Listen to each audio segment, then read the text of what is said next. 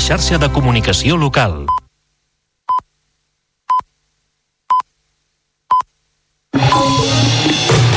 Notícies en xarxa, edició matí. Amb Taís Trujillo. Bon dia. Noves restriccions imminents en l'ús d'aigua a Barcelona i 200 municipis més del sistema Ter Llobregat. Avui és quan el govern decretarà l'emergència per sequera l'àmbit més poblat del país, amb uns 6 milions d'habitants. És una fase que limitarà el consum a 200 litres per persona i dia i que rebaixarà també la despesa d'aigua permesa en usos agrícoles i industrials. Mentre la ciutadania pren consciència, equipaments com els gimnasos també fan pedagogia incentivant l'estalvi per deixar clar que ara mateix cada gota resta. Doncs així encapçalem el Notícies en xarxa d'aquest eh, dijous 1 de febrer i al punt de les 7 del matí repassem també altres titulars. Una de cada quatre persones amb càncer perd la feina o es veu obligada a deixar-la a causa de la malaltia. Ho revela el darrer informe de l'Observatori de l'Associació Espanyola contra el Càncer. Els afectats demanen que s'acabi amb aquesta discriminació laboral i és un aspecte que lamenten que hagi quedat fora de la nova llei de l'oblit oncològic. El president de la Generalitat, Pere Aragonès, crida la responsabilitat per aprovar la llei d'amnistia. Mentrestant, Junts i PSOE s'obren a seguir amb les converses, malgrat mantenir de moment les posicions molt allunyades. La direcció de Danone plantejarà avui l'alternativa per als 157 treballadors de la fàbrica de Parets del Vallès després de l'anunci de tancament.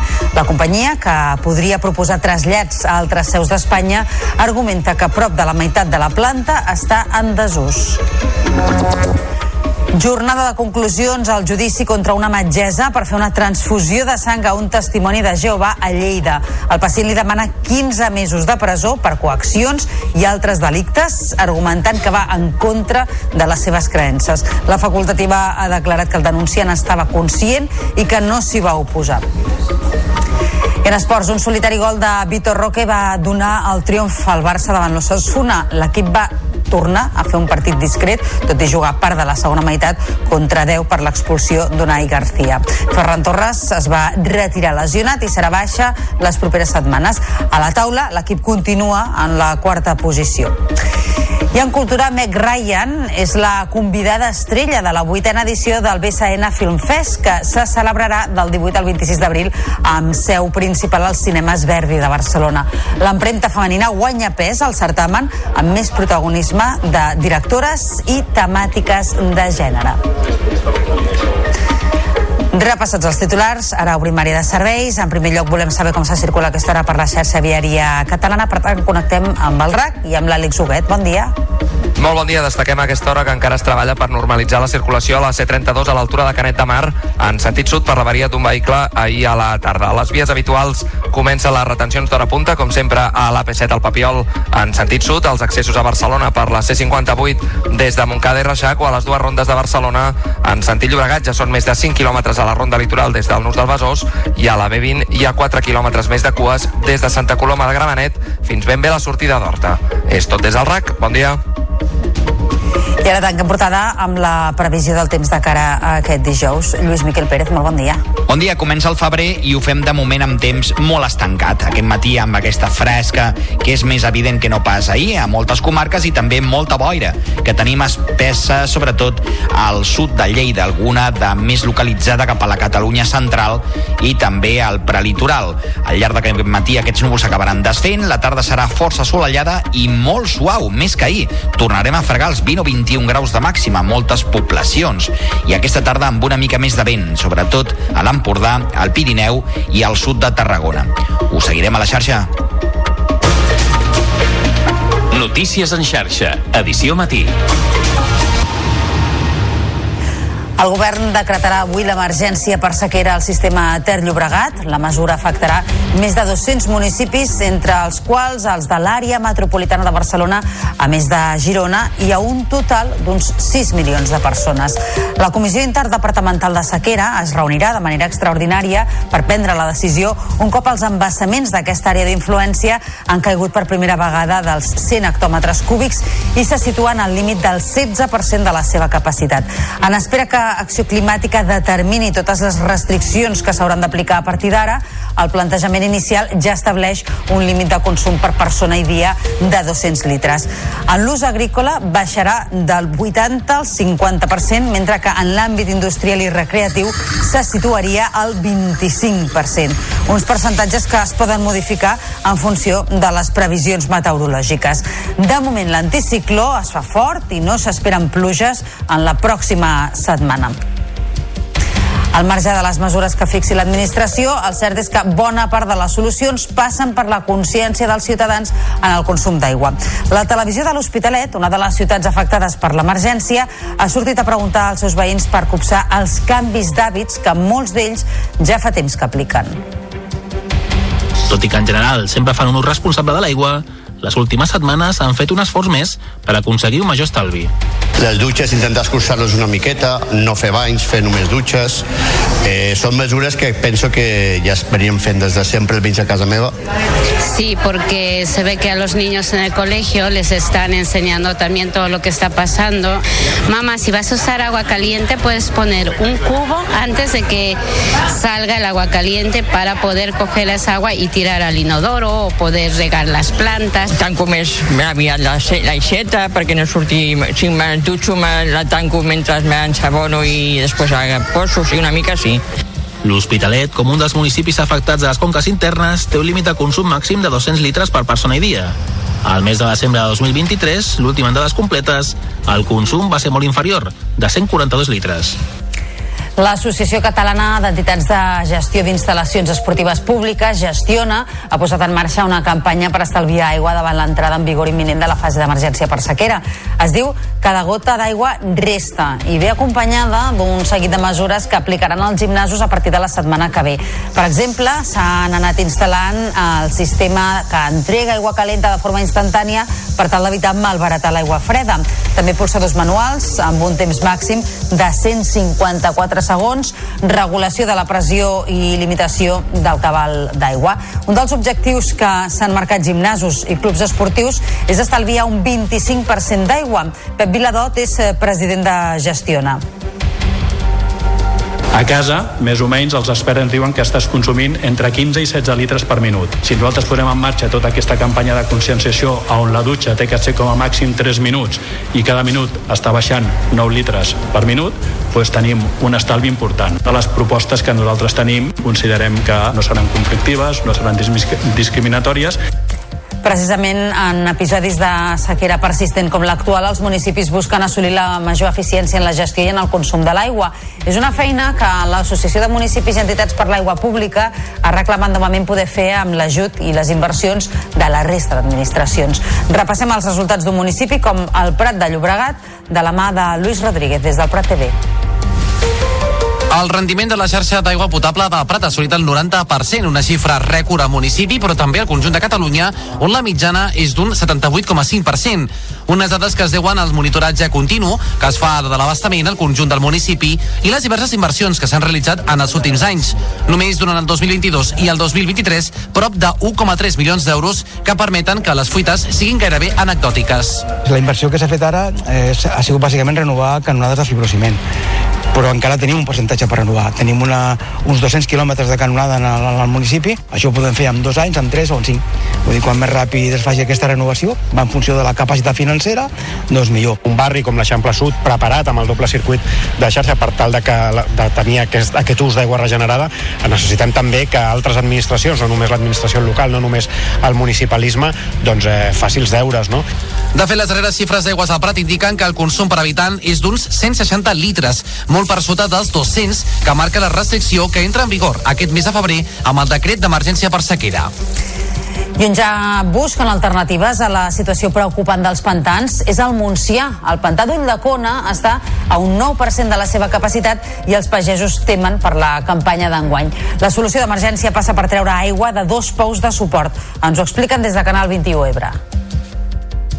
Davant d'aquest escenari, els pagesos ja preparen els dos pous de suport per salvar la campanya en cultius grans. Tot i això, alerten que s'hauran de perdre els conreus més petits perquè seran inviables econòmicament. Gràcies a Déu tenim eh, de suport uns pous que es van fer fa 25 anys, els estem ficant-los en les bombes en, en a punt per a intentar d'una manera o altra pues, salvar el que és la situació a nivell de, dels que són els tarongers, els arbres, perquè el que són plantacions menudes de, de, de, de verdures i el que sigui que d'allò, això pues, ja s'haurà de descartar. En este sentit, alerten que esta situació perjudicarà l'economia local. El pantà d'Uidecona cobreix quatre municipis a banda i banda del riu Sènia. Són Uidecona i la Sènia, i Rossell i Sant Rafael del Riu.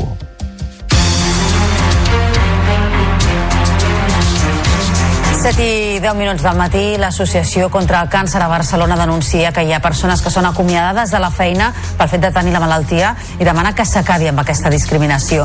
Un de cada quatre pacients perd la feina o es veu obligat a deixar-la per les conseqüències del procés oncològic, segons eh, el darrer informe de l'Observatori de l'Associació Espanyola contra el Càncer.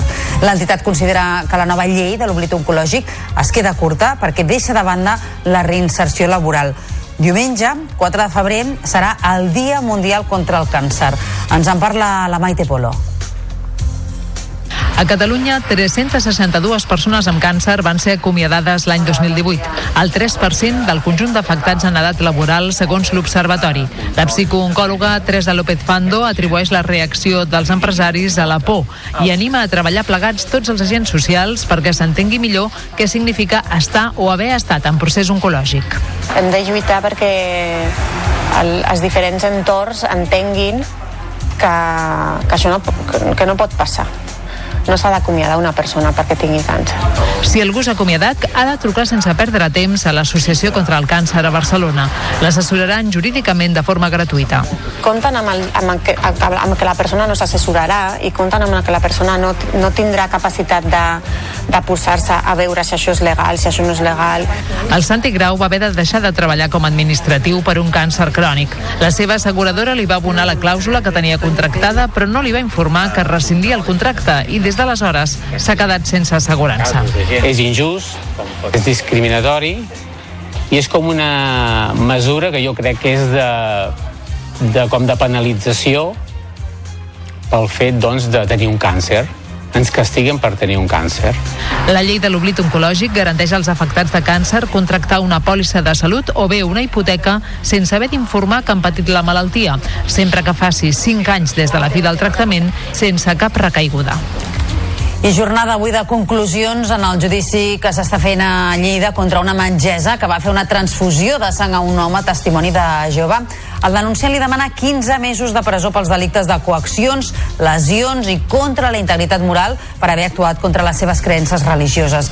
La metgessa ha declarat que el dia dels fets el pacient estava conscient i que no va signar el document per negar-se formalment a la transfusió. També li demanen la inhabilitació durant dos anys i que pagui una indemnització de 10.000 euros. És una crònica de Lleida TV. Els fets es remunten al 21 de juliol del 2016, quan l'home va ingressar a urgències. La doctora ha explicat que el pacient presentava un sangrat actiu amb hemorràgia digestiva i que el seu estat era molt greu i que l'únic tractament vàlid per salvar-li la vida era la transfusió de sang. El pacient va dir que no volia rebre la transfusió, però tampoc va voler firmar el consentiment necessari i imprescindible per no rebre-la. La doctora ha declarat que el pacient sempre va estar conscient que la seva voluntat no estava clara, que presentava molts dubtes i que la seva actitud va canviar quan diverses persones de la congregació van marxar de l'espai on es trobava. La doctora ha dit que fins aquell moment hi havia una tensió ambiental assegura que finalment el pacient va dir que faria el que digués un familiar seu que es trobava amb ell i que aquest familiar ja havia manifestat que era partidari de la transfusió. Ha explicat que finalment quan es va fer la transfusió, que va durar 7 hores, el pacient no va mostrar cap tipus de resistència ni desconformitat. El judici continuarà demà.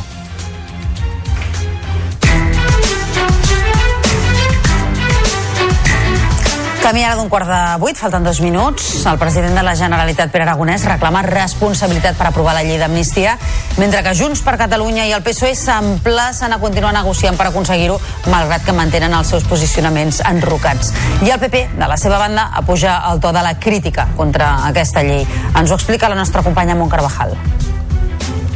El president Pere Aragonès ha dit que la llei d'amnistia és absolutament necessària per acabar amb el dolor de 1.200 encausats i, per tant, no s'ha de posar en risc. A més, considera que hi ha una oportunitat històrica per, després d'aprovar-la, abordar la qüestió de la sobirania. Ahir hi havia 1.200 persones que estaven pendents de que aquesta llei s'aprovés. Haurem de treballar uns dies més. Per tant, és important que totes les parts assumim la nostra responsabilitat, la responsabilitat d'una oportunitat històrica per deixar enrere la repressió i poder restaurar els drets de tota la ciutadania a Catalunya i entrar en una etapa doncs, també políticament per abordar el conflicte de sobirania entre Catalunya i Espanya. De la seva banda, Junts i PSOE han mostrat voluntat d'entesa, però els socialistes no volen incloure canvis i els juntaires els recorden que incomplirien l'acord d'investidura. I el Partit Popular furguen la ferida. Feijó ha dit que el 2019 a Catalunya hi havia terrorisme i feixisme i el portaveu Borja Semper ha qüestionat la continuïtat del govern. Solo hay tres opciones para el señor Sánchez. O Puigdemont cede, o Sánchez traga, o como dice Junts, colorín colorado. El govern espanyol s'ha mostrat segur de la continuïtat de la legislatura. El diputat d'Esquerra Republicana i secretari quart de la mesa del Parlament, Rubén Wagensberg, s'ha traslladat temporalment a Suïssa per assessorar-se davant els moviments de la justícia espanyola que el, que el vinculen al tsunami democràtic. El nom de Wagensberg ha aparegut diverses vegades relacionat amb la causa que investiga el jutge Manuel García Castellón, que veu terrorisme en les actuacions de tsunami democràtic. El diputat d'Esquerra estava de baixa des de fa setmanes i ha marxat a Catalunya també per problemes de salut mental. Deixa clar però que no està a l'exili i que podria tornar en el moment en què ell ho volgués. I aquest dimecres s'ha produït la primera reunió a Brussel·les entre PSOE i PP per intentar desbloquejar la renovació del Consell General del Poder Judicial. El ministre de la Presidència i de Justícia, Félix Bolaños, i el vicesecretari institucional del PP, Esteban González Pons, s'han trobat sota la mediació del comissari de Justícia, Didier Reinders. Després de la trobada, la comissió ha constatat en un comunicat la voluntat de totes dues parts de treballar juntes. La pròxima reunió serà el 12 de febrer.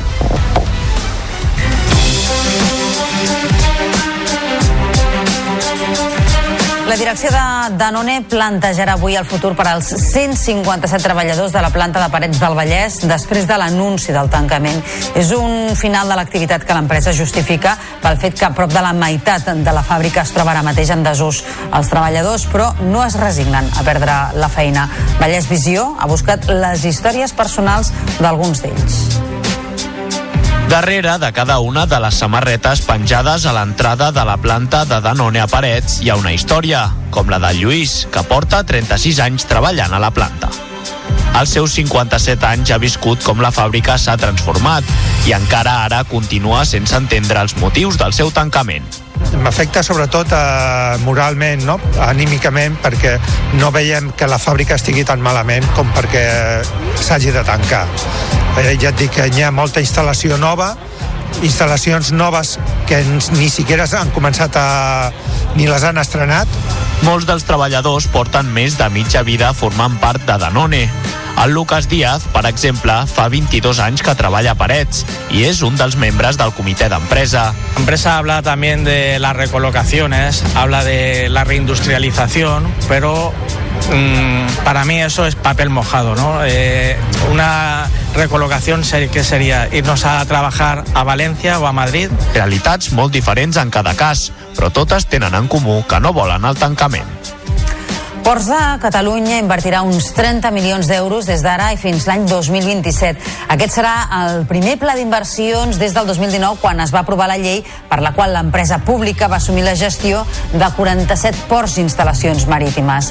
Ara l'objectiu principal és realitzar actuacions per adequar les infraestructures al canvi climàtic. És una crònica de David Benito.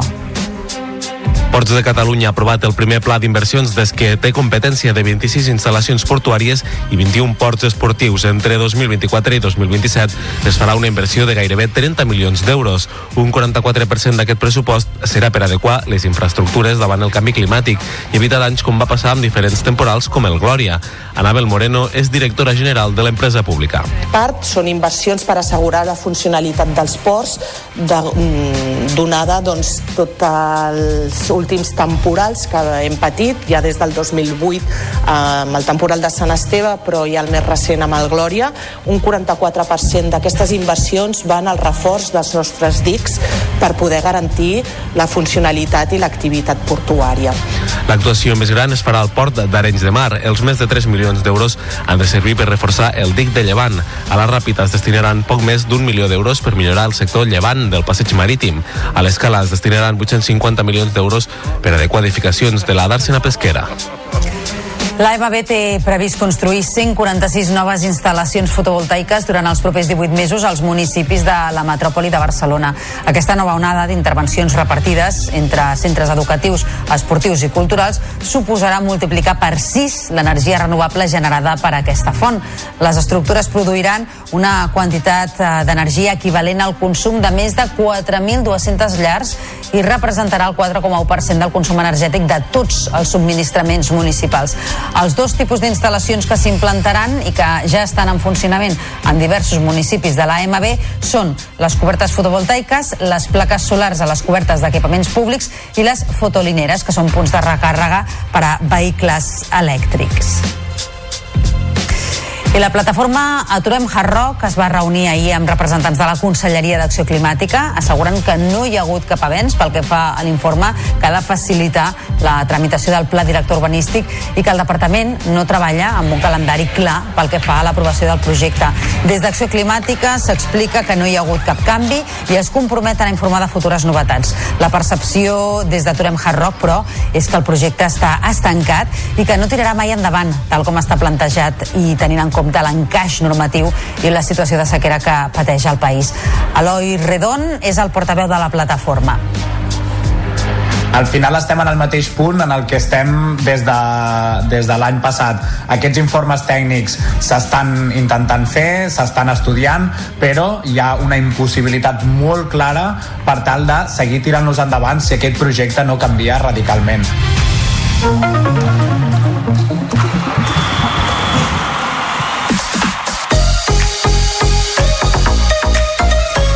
Victòria travada i per la mínima del Barça sobre l'Ossassuna a la Lliga. Un solitari gol de Vitor Roque, que es va estrenar marcant en el segon temps, va donar el triomf als blaugrana. L'esperat canvi no va arribar i l'equip va tornar a fer un partit discret, tot i jugar a part de la segona meitat contra 10 per l'expulsió d'Unai Garcia. Ferran Torres es va retirar per una lesió al bíceps femoral i serà baixa les properes setmanes.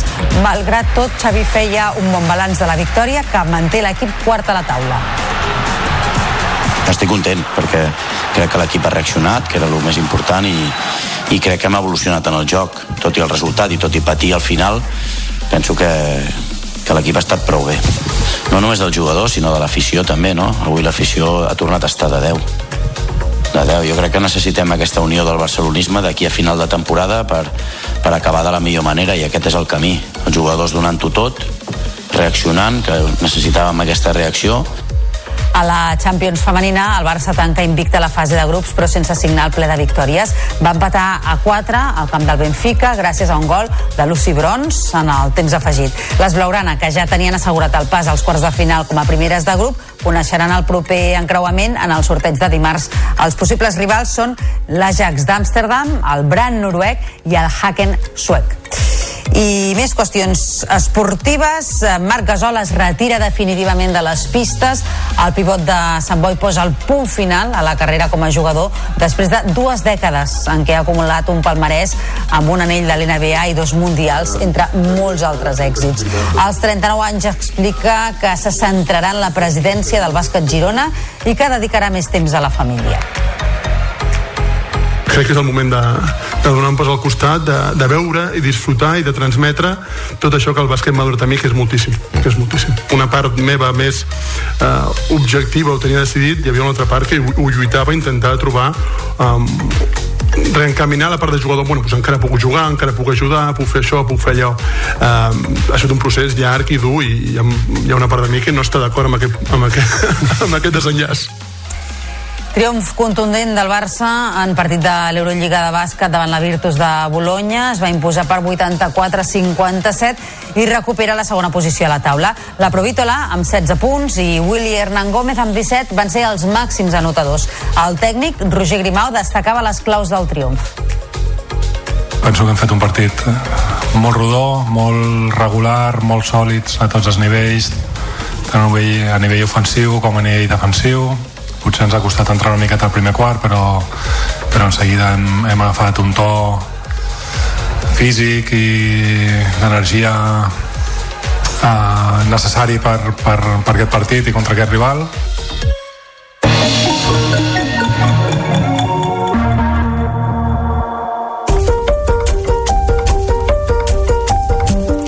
L'actriu Meg Ryan és la convidada estrella de la vuitena edició del BSN Film Fest, que se celebrarà del 18 al 26 d'abril amb seu principal als cinemes Verdi de Barcelona. És un festival en el que enguany guanyen protagonisme els films dirigits per dones i amb temàtica femenina. És una crònica del David Navarro. Meg Ryan presentarà el darrer film que ha dirigit i que coprotagonitza amb l'actor David Duchovny, Lo que sucede después. Entre la setantena de pel·lícules que participaran en les diferents seccions hi ha els darrers treballs de Paola Cortelesi, Siempre nos quedará mañana, o de Vincent Pérez, The Edge of the Blade. Tots dos realitzadors visitaran també el festival, a banda del que podria ser el darrer film protagonitzat per Michael Caine, La gran escapada. En global, una selecció amb moltes pel·lícules dirigides per dones, segons explicat la directora del BSN Film Fest, Conxita Casanovas. La lluita de les dones per aconseguir els seus drets és el que aquest any es repeteix molt amb molts dels arguments de, la, de les pel·lícules que s'imposen les dones al Barcelona Film Festival i en els seus arguments però de manera natural, sense cap premeditació, sense quotes. Enguany, el BSN Film Fest ret homenatge al cineasta Yasujiro Ozu, amb una retrospectiva de la seva obra i el disseny del cartell del festival. I ara us expliquem que fa dos anys el Mèdul Centre d'Arts Contemporànies de Tarragona va entrar dins l'edifici de la Tabacalera. Enguany ho tornarà a fer amb una nova proposta, però no serà la única perquè la temporada 2024 presenta algunes novetats. En Biel Roquet Jalmar, de TAC 12, ens les explica. El 2024 es presenta com un any molt ambiciós per al Mèdul. El Centre d'Arts Contemporànies de Tarragona es troba en una línia ascendent i per enguany continua creixent. Per una banda, el Mèdul tornarà a obrir les portes de la tabacalera com fa dos anys amb l'exposició de Cabo San Roque. En aquest cas no s'utilitzarà el mòdul 6 com llavors, sinó que s'optarà per una nau més gran perquè ho requereix l'exposició Digital After All. D'altra banda, una de les grans novetats del Mèdul per al 2024 és l'obertura de la sala principal del Banc d'Espanya.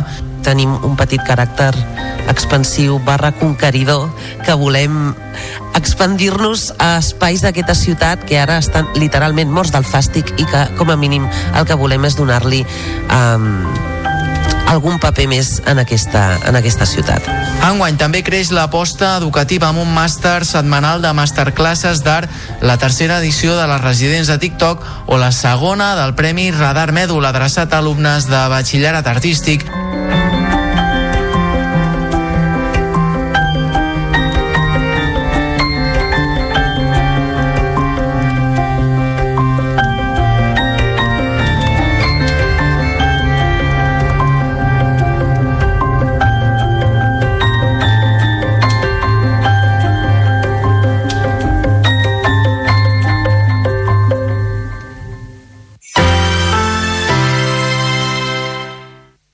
La xarxa de comunicació local.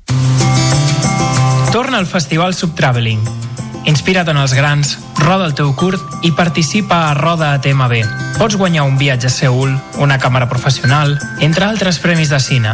Més informació a subtravelingfestival.tmb.cat Torna la Magic Line del Sant Joan de Déu. Feu un equip d'entre 4 i 20 persones, marqueu-vos un repte econòmic solidari i trieu el vostre recorregut. El 17 de març caminarem per qui més ho necessita. Inscriu-te a magiclinesjd.org. Som el que compartim.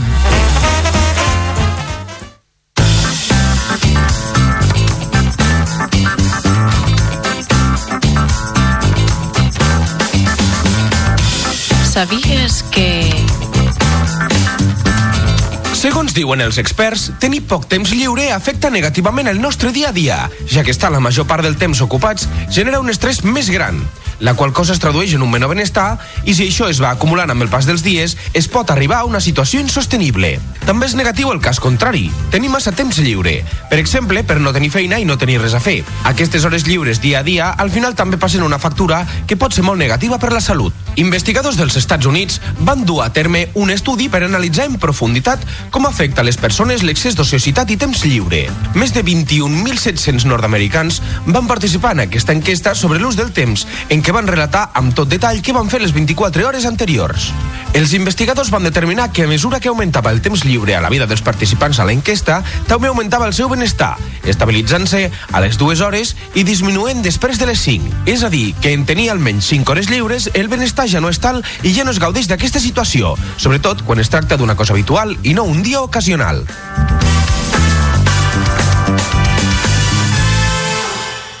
La xarxa.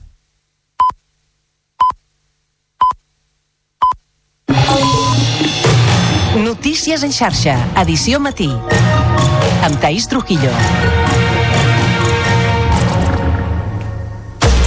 Bon dia, són dos quarts de vuit del matí i avui encapçalem el Notícies en xarxa amb les noves restriccions en l'ús d'aigua a Barcelona i 200 municipis més del sistema Ter Llobregat. Avui és quan el govern decretarà l'emergència per sequera a l'àmbit més poblat del país, amb uns 6 milions d'habitants. És una fase que limitarà el consum a 200 litres per persona i dia i que rebaixarà també la despesa d'aigua permesa en usos agrícoles i industrials.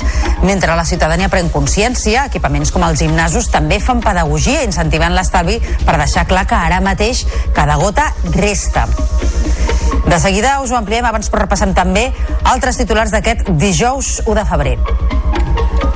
Una de cada quatre persones amb càncer perd la feina o es veu obligada a deixar-la a causa de la malaltia.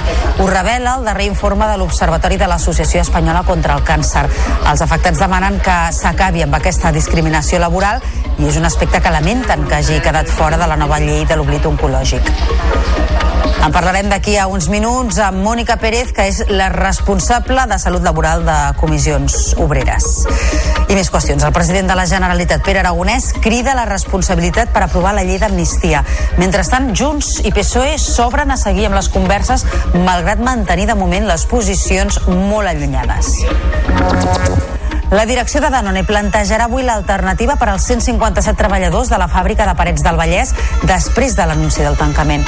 La companyia, que podria proposar trasllats a altres seus d'Espanya, argumenta que prop de la meitat de la planta està en desús. Jornada de conclusions al judici contra una metgessa per fer una transfusió de sang a un testimoni de Jehovà a Lleida. El pacient li demana 15 mesos de presó per coaccions i altres delictes, argumentant que va en contra de les seves creences. La facultativa ha declarat que el denunciant estava conscient i que no s'hi va oposar. I en esports, un solitari gol de Vitor Roque va donar el triomf al Barça davant l'Ossassuna. L'equip va tornar a fer un partit discret, tot i jugar per de la segona meitat contra 10 per l'expulsió d'Unai García. Ferran Torres es va retirar lesionat i serà baixa les properes setmanes. A la taula l'equip continua en la quarta posició. I en cultura, Meg Ryan és la convidada estrella de la vuitena edició del BSN Film Fest, que se celebrarà del 18 al 26 d'abril amb seu principal als cinemes Verdi de Barcelona. L'empremta femenina guanya pes al certamen amb més protagonisme de directores i temàtiques de gènere. Repassats els titulars, ara obrim plena de serveis amb el trànsit. Segons el RAC, un accident a la carretera C59 a Caldes de Montbui provoca retencions en sentit sud. A la C32 està tallada una part de la via a Canet de Mar, en sentit sud, per un vehicle que es va avariar ahir i on hi ha més cues ara és el Baix Llobregat, d'entrada a Barcelona, a la B23 des de Molins, a la 2 des de Pallejà i al Vallès, a la C58, el tram habitual des de Montcada i Reixac. A les rondes se circula amb lentitud en sentit Llobregat. I ara la previsió del temps. Comencem el mes de febrer amb un panorama meteorològic estancat. Fa una mica de fresca a aquesta hora, però les temperatures continuaran sent suaus per l'època de l'any en què estem. Notícies en xarxa, edició matí. El govern decretarà avui l'emergència per sequera al sistema Ter Llobregat. La mesura afectarà més de 200 municipis, entre els quals els de l'àrea metropolitana de Barcelona i Girona, i un total de 6 milions de persones. Ens ho explica el Joan Ferrer. La Comissió Interdepartamental de Sequera es reunirà de manera extraordinària per prendre la decisió un cop els embassaments d'aquesta àrea d'influència han caigut per primera vegada dels 100 hectòmetres cúbics i se situen al límit del 16% de la seva capacitat. En espera que Acció Climàtica determini totes les restriccions que s'hauran d'aplicar a partir d'ara, el plantejament inicial ja estableix un límit de consum per persona i dia de 200 litres. En l'ús agrícola baixarà del 80 al 50%, mentre que en l'àmbit industrial i recreatiu se situaria al 25% uns percentatges que es poden modificar en funció de les previsions meteorològiques. De moment, l'anticicló es fa fort i no s'esperen pluges en la propera setmana.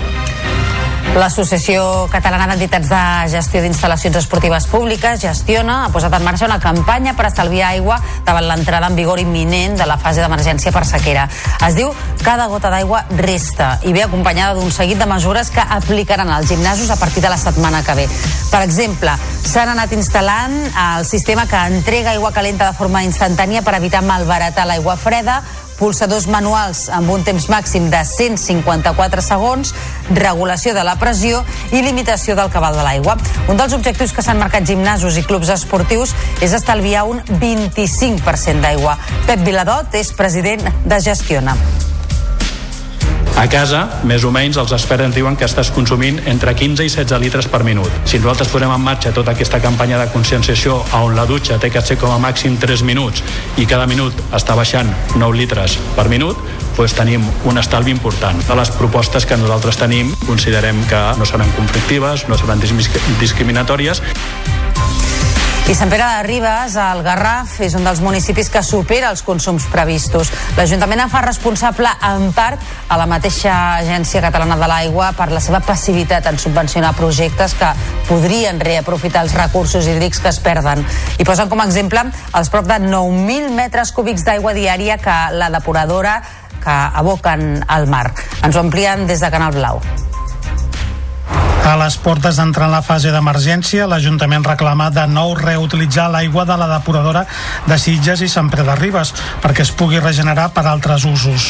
Cal tenir en compte que aquesta instal·lació aboca cada dia 8.900 metres cúbics d'aigua al mar. És una actuació que fa temps que reclama l'Ajuntament i amb la qual es podria destinar aquesta aigua per regar o netejar carrers. La recuperació de l'aigua de l'EDAR és vital, perquè ara en aquests moments pràcticament la totalitat s'aboca al mar. Si aquesta aigua la poguéssim reaprofitar, podríem regar jardins, podríem netejar carrers, podríem fer-ho no amb aigua de, de, de boca, sinó amb aigua justament eh, recuperada i reciclada. I aquest és un dels eh, projectes que fa molts anys que hem demanat a l'Agència Catalana de l'Aigua i que no s'ha acabat fent. I ara jo crec que és eh, del tot necessari, eh, no només urgent, sinó amb, amb situació d'emergència com la que la pròpia que vol decretar doncs que aquestes inversions es facin ràpides. L'Ajuntament de Sant Pere de Ribes també recorda que fa més d'un any que estan reclamant una subvenció de l'ACA per millorar la xarxa de distribució, però que hores d'ara no han rebut cap resposta.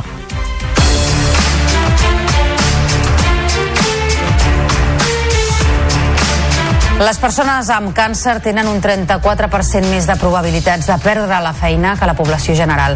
És la malaltia que més pèrdua de treball provoca, segons dades de l'Associació contra el Càncer a Barcelona.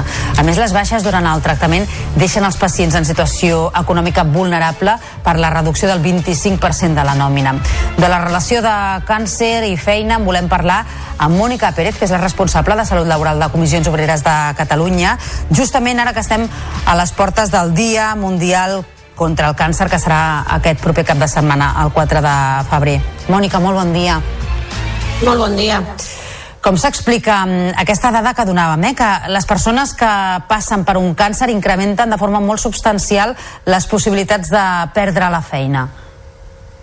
Bé, eh, entenc que, que té a veure, molt a veure amb que quan s'incorporen sobretot eh, doncs les empreses no acaben d'adaptar el lloc de treball o fins i tot acomiaden eh, és una vulneració de drets fonamentals no, no es pot acomiadar per motius de salut uh -huh. eh, però evidentment no té massa explicació si no és des del punt de vista de la vulneració dels drets Què poden fer si passa això? Si una persona es reincorpora al seu lloc de feina i eh, l'acomiaden?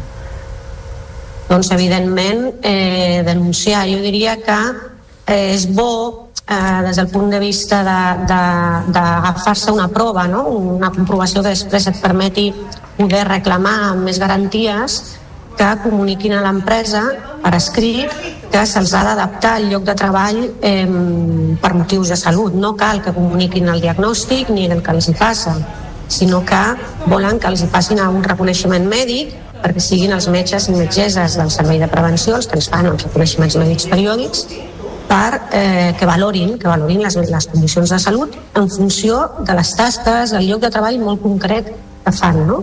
Amb aquesta reclamació, d'alguna manera, tu, amb aquesta petició, estàs dient a l'empresa que vols exercir aquest dret fonamental. No? I, per tant, és més complicat que, que puguin ac- acomiadar-te, podran acomiadar, però tindràs més garanties a l'hora de, de guanyar. Hi ha problemàtica també amb eh, la data de reincorporació a la feina, és a dir, quan una persona encara no se sent preparada per tornar però el metge li dona l'alta. Això també passa sovint i, i què poden fer en aquest cas? Sí, sovint, sobretot el que és la, la part de la inspecció mèdica, doncs a vegades s'està donant d'alta a persones que encara no estan, no, no estan prou recuperades per, per, per anar a la feina. Aquí tenim diguem, el conflicte que des del punt de vista de la inspecció mèdica diuen és que és l'empresa que t'ha d'adaptar al lloc de treball perquè pots treballar, però bueno, hi ha algunes cosetes que no pots fer, però te l'han d'adaptar, no? I en canvi hi ha molta gent que va a la feina i diu és que no, no són només unes cosetes, són pràcticament tota la meva feina. No? Què es pot fer? Doncs reclamar l'alta, és un procés administratiu, eh, però si, bueno, si l'alta és per una, diguem, pel metge o metgessa de capçalera, t'has de reincorporar, tot i que la reclames, no? Uh -huh. I fer aquest tràmit, sobretot, d'anar a l'em- a l'empresa i dir, escolta'm, eh, per condicions de salut m'heu d'adaptar al lloc de treball, sisplau, passeu-me pel reconeixement mèdic perquè no, no puc fer totes les tasques, no? I aquestes vulneracions es produeixen eh, amb una legislació que és eh, prou clara i prou protectora d'aquests pacients o caldria també introduir algun canvi legislatiu? Bueno, tenim una sentència recent, si no recordo mal, de, del Tribunal Europeu, el Tribunal Suprem, que deixa molt clar que no es pot acomiadar per circumstàncies de salut. Eh, I després tenim la llei de prevenció de riscos que ens indica que s'ha d'adaptar el lloc de treball a la persona i que el mecanisme que té previst és precisament l'opinió mèdica d'aquests metges i metgesses de, de, que ens fan els reconeixements mèdics a l'empresa, que són els que han de tenir les nostres dades de diagnòstics, de, de tractaments, de medicació, i ho comparen amb les nostres condicions de treball. Llavors són els que han d'indicar si haig de fer més descansos, si m'han d'evitar determin- no sé, agafar... Depèn, depèn de... És un procés molt particular perquè les seqüeles o, o les condicions físiques de cadascú són molt bueno, són de cadascú, no? I s'ha de mirar cada cas. I això està, ho té previst la llei de prevenció mitjançant aquest mecanisme de reconeixements mèdics. Mònica Pérez, responsable de Salut Laboral de Comissions Obreres de Catalunya, moltíssimes gràcies per haver-nos atès aquest matí al Notícies en xarxa. Molt bon dia. A vosaltres, bon dia. Adéu, molt bon dia. I abordem ara d'altres qüestions, en aquest cas també relacionades amb la salut i amb la sanitat, perquè hi ha jornada avui de conclusions en el judici que s'està fent a Lleida contra una metgessa que va realitzar una transfusió de sang a un home testimoni de Jehovà. El denunciant li demana 15 mesos de presó pels delictes de coaccions, lesions i contra la integritat moral per haver actuat contra les seves creences religioses. La metgessa ha declarat que el dia dels fets el pacient estava conscient i que no va signar el document per negar-se formalment a la transfusió. També li demanen la inhabilitació durant dos anys i que pagui una indemnització de 10.000 euros. És una crònica de Lleida TV. Els fets es remunten al 21 de juliol del 2016, quan l'home va ingressar a urgències. La doctora ha explicat que el pacient presentava un sangrat actiu amb hemorràgia digestiva i que el seu estat era molt greu i que l'únic tractament vàlid per salvar-li la vida era la transfusió de sang. El pacient va dir que no volia rebre la transfusió, però tampoc va voler firmar el consentiment necessari i imprescindible per no rebre-la. La doctora ha declarat que el pacient sempre va estar conscient que la seva voluntat no estava clara, que presentava molts dubtes i que la seva actitud va canviar quan diverses persones de la congregació van marxar de l'espai on es trobava. La doctora ha dit que fins aquell moment hi havia una tensió ambiental. Assegura que finalment el pacient va dir que faria el que digués un familiar seu que es trobava amb ell i que aquest familiar ja havia manifestat que era partidari de la transfusió. Ha explicat que finalment quan es va fer la transfusió, que va durar 7 hores, el pacient no va mostrar cap tipus de resistència ni desconformitat. El judici continuarà demà.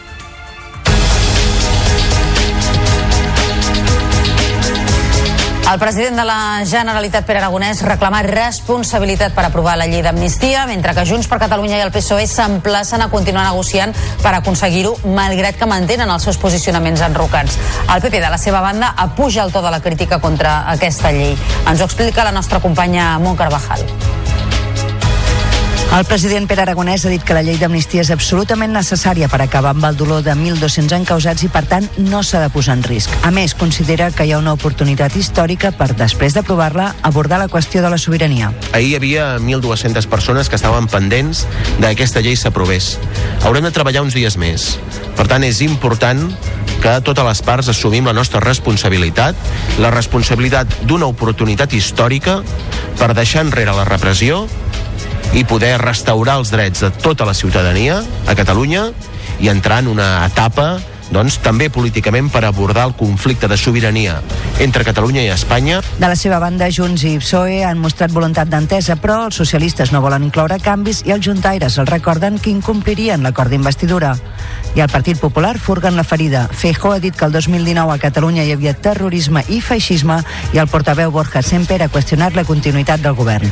Solo hay tres opciones para el señor Sánchez. O Puigdemont cede, o Sánchez traga, como dice Junts, colorín colorado.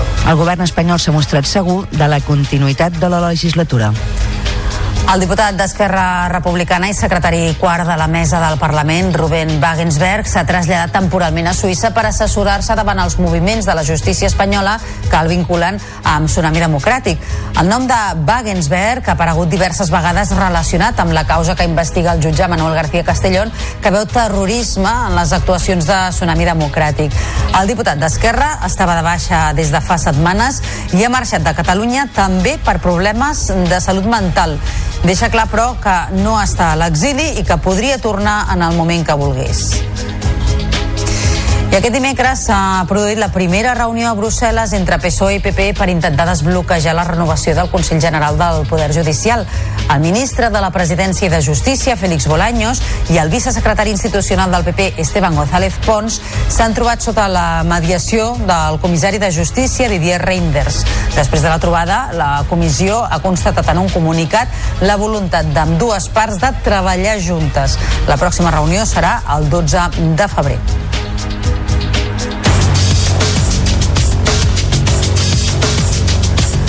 Passarà un minut de tres quarts de vuit del matí. La direcció de Danone plantejarà avui el futur per als 157 treballadors de la planta de Parets del Vallès després de l'anunci del tancament.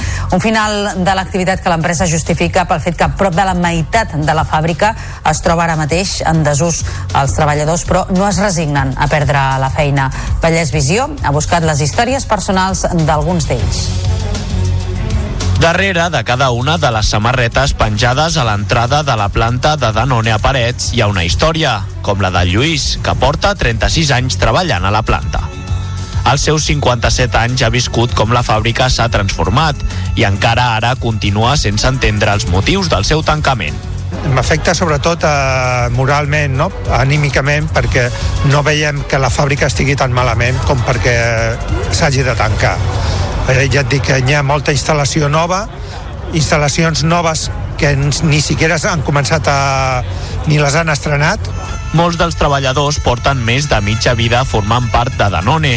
El Lucas Díaz, per exemple, fa 22 anys que treballa a Parets i és un dels membres del comitè d'empresa. La empresa habla también de las recolocaciones, habla de la reindustrialización, pero mm, para mí eso es papel mojado, ¿no? Eh, una recolocación ser, que sería irnos a trabajar a Valencia o a Madrid. Realitats molt diferents en cada cas, però totes tenen en comú que no volen el tancament. Ports de Catalunya invertirà uns 30 milions d'euros des d'ara i fins a l'any 2027. Aquest serà el primer pla d'inversions des del 2019, quan es va aprovar la llei per la qual l'empresa pública va assumir la gestió de 47 ports i instal·lacions marítimes. Ara l'objectiu principal és realitzar actuacions per adequar les infraestructures al canvi climàtic. És una crònica de David Benito. Ports de Catalunya ha aprovat el primer pla d'inversions des que té competència de 26 instal·lacions portuàries i 21 ports esportius. Entre 2024 i 2027 es farà una inversió de gairebé 30 milions d'euros. Un 44% d'aquest pressupost serà per adequar les infraestructures davant el canvi climàtic i evitar danys com va passar amb diferents temporals com el Glòria. Anabel Moreno és directora general de l'empresa pública.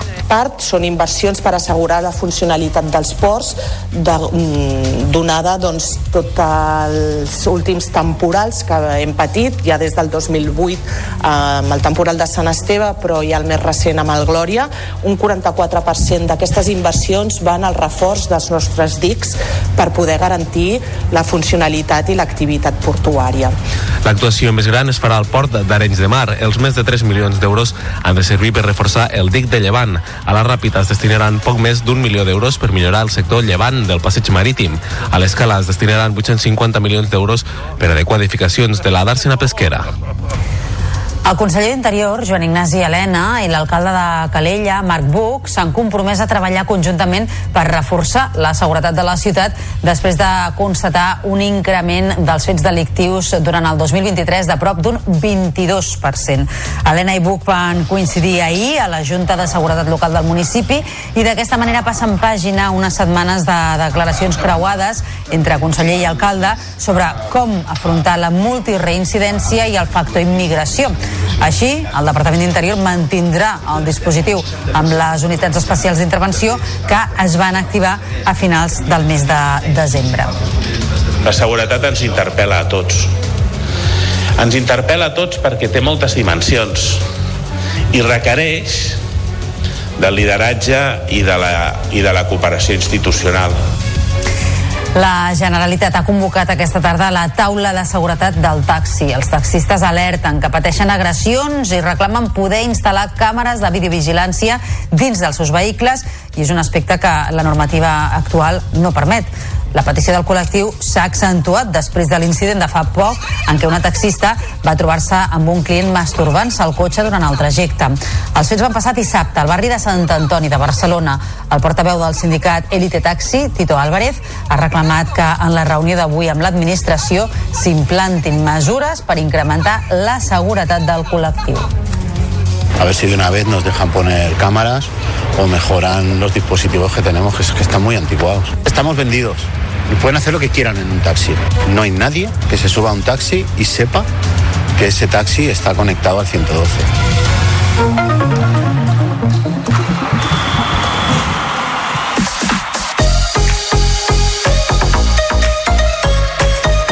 Victòria per la mínima del Barça sobre l'Ossassuna a la Lliga amb un solitari gol de Vitor Roque que es va estrenar marcant en el segon temps.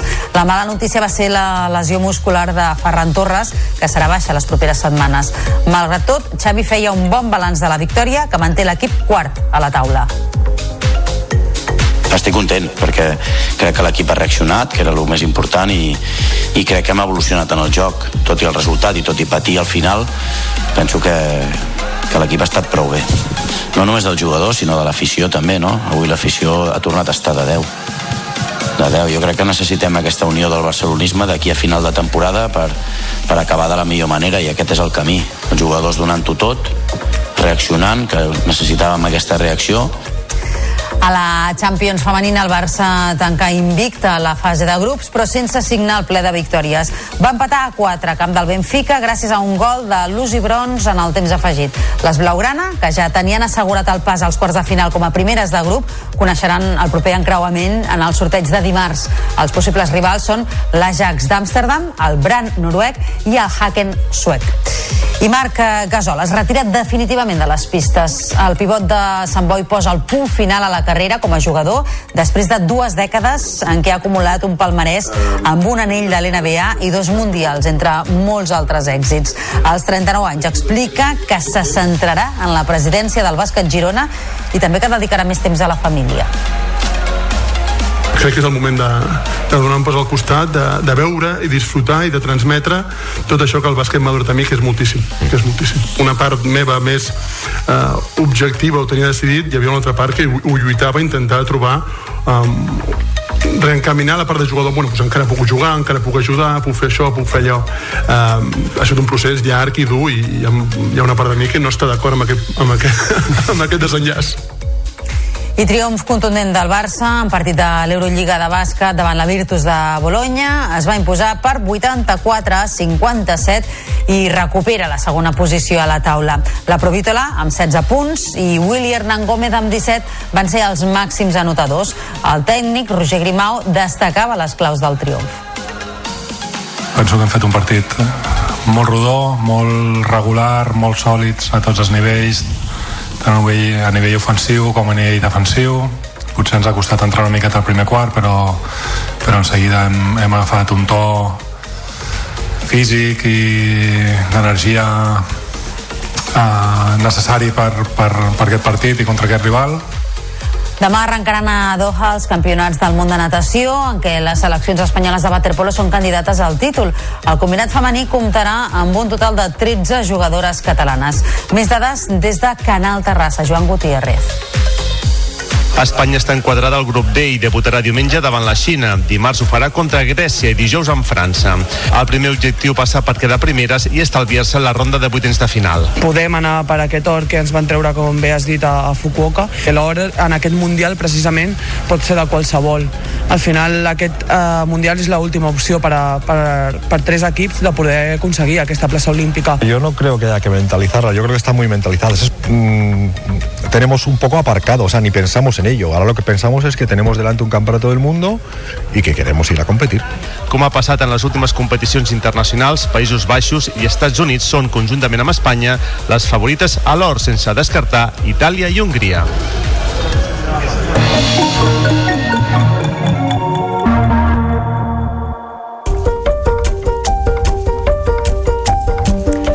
L'actriu Meg Ryan és la convidada estrella de la vuitena edició del BSN Film Fest, que se celebrarà del 18 al 26 d'abril amb seu principal als cinemes Verdi de Barcelona. Un festival en el que enguany guanyen protagonisme els films dirigits per dones i amb temàtica femenina. Ens ho explica el David Navarro. Meg Ryan presentarà el darrer film que ha dirigit i que coprotagonitza amb l'actor David Duchovny, Lo que sucede después. Entre la setantena de pel·lícules que participaran en les diferents seccions hi ha els darrers treballs de Paola Cortelesi, Siempre nos quedará mañana, o de Vincent Pérez, The Edge of the Blade. Tots dos realitzadors visitaran també el festival, a banda del que podria ser el darrer film protagonitzat per Michael Caine, La gran escapada.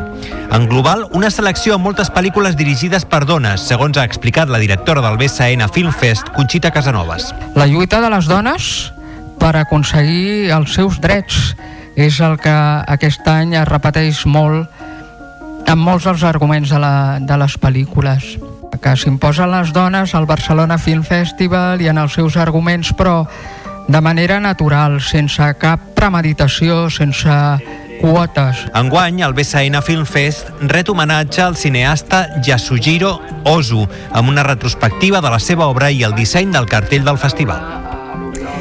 Tres programes de televisions adherides a la xarxa audiovisual local són finalistes als premis a millor programa de televisió local Zapping. Són el programa En Trànsit de Badalona Comunicació, Sobre Rodes de Canal Terrassa i Terra de Pa de BOTV i Canal Blau amb el suport de la xarxa. Els premis Zapping els atorga l'Associació de Consumidors de Mitjans Audiovisuals de Catalunya i la gala d'entrega es farà a Barcelona el proper dia 6 de març.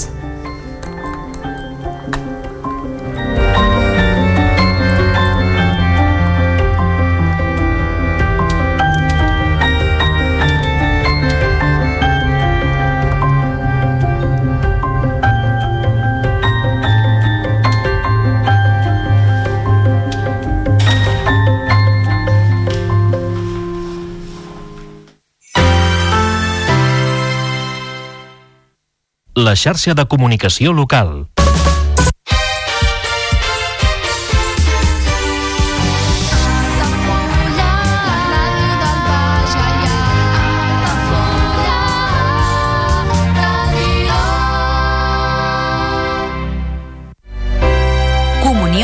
2024. Dates ja disponibles amb sales privades, jardí, pàrquing privat i la millor gastronomia. Més informació i reserves al 977 65 11 55 i a comercial arroba altafullamarotel.com o al web altafullamarotel.com. Les teves celebracions familiars a l'Altafulla Mar Hotel. La pilota torna a rodar i el centre d'Esports Altafulla jugar una temporada més a Altafulla Ràdio. Els groc i negre reben el filial de la Unió Esportiva Baix en el primer partit de la segona volta al Joan Pijuan per intentar fer bo el punt obtingut a Baimoi amb la cinquena plaça a l'horitzó. Aquest dissabte a partir de les 5 de la tarda segueix el partit en directe a través del 107.4 de la freqüència modulada, al web 3 w altafullaradio.cat, l'aplicació per a dispositius mòbils o la televisió digital terrestre. El futbol més modest sona Altafulla Ràdio.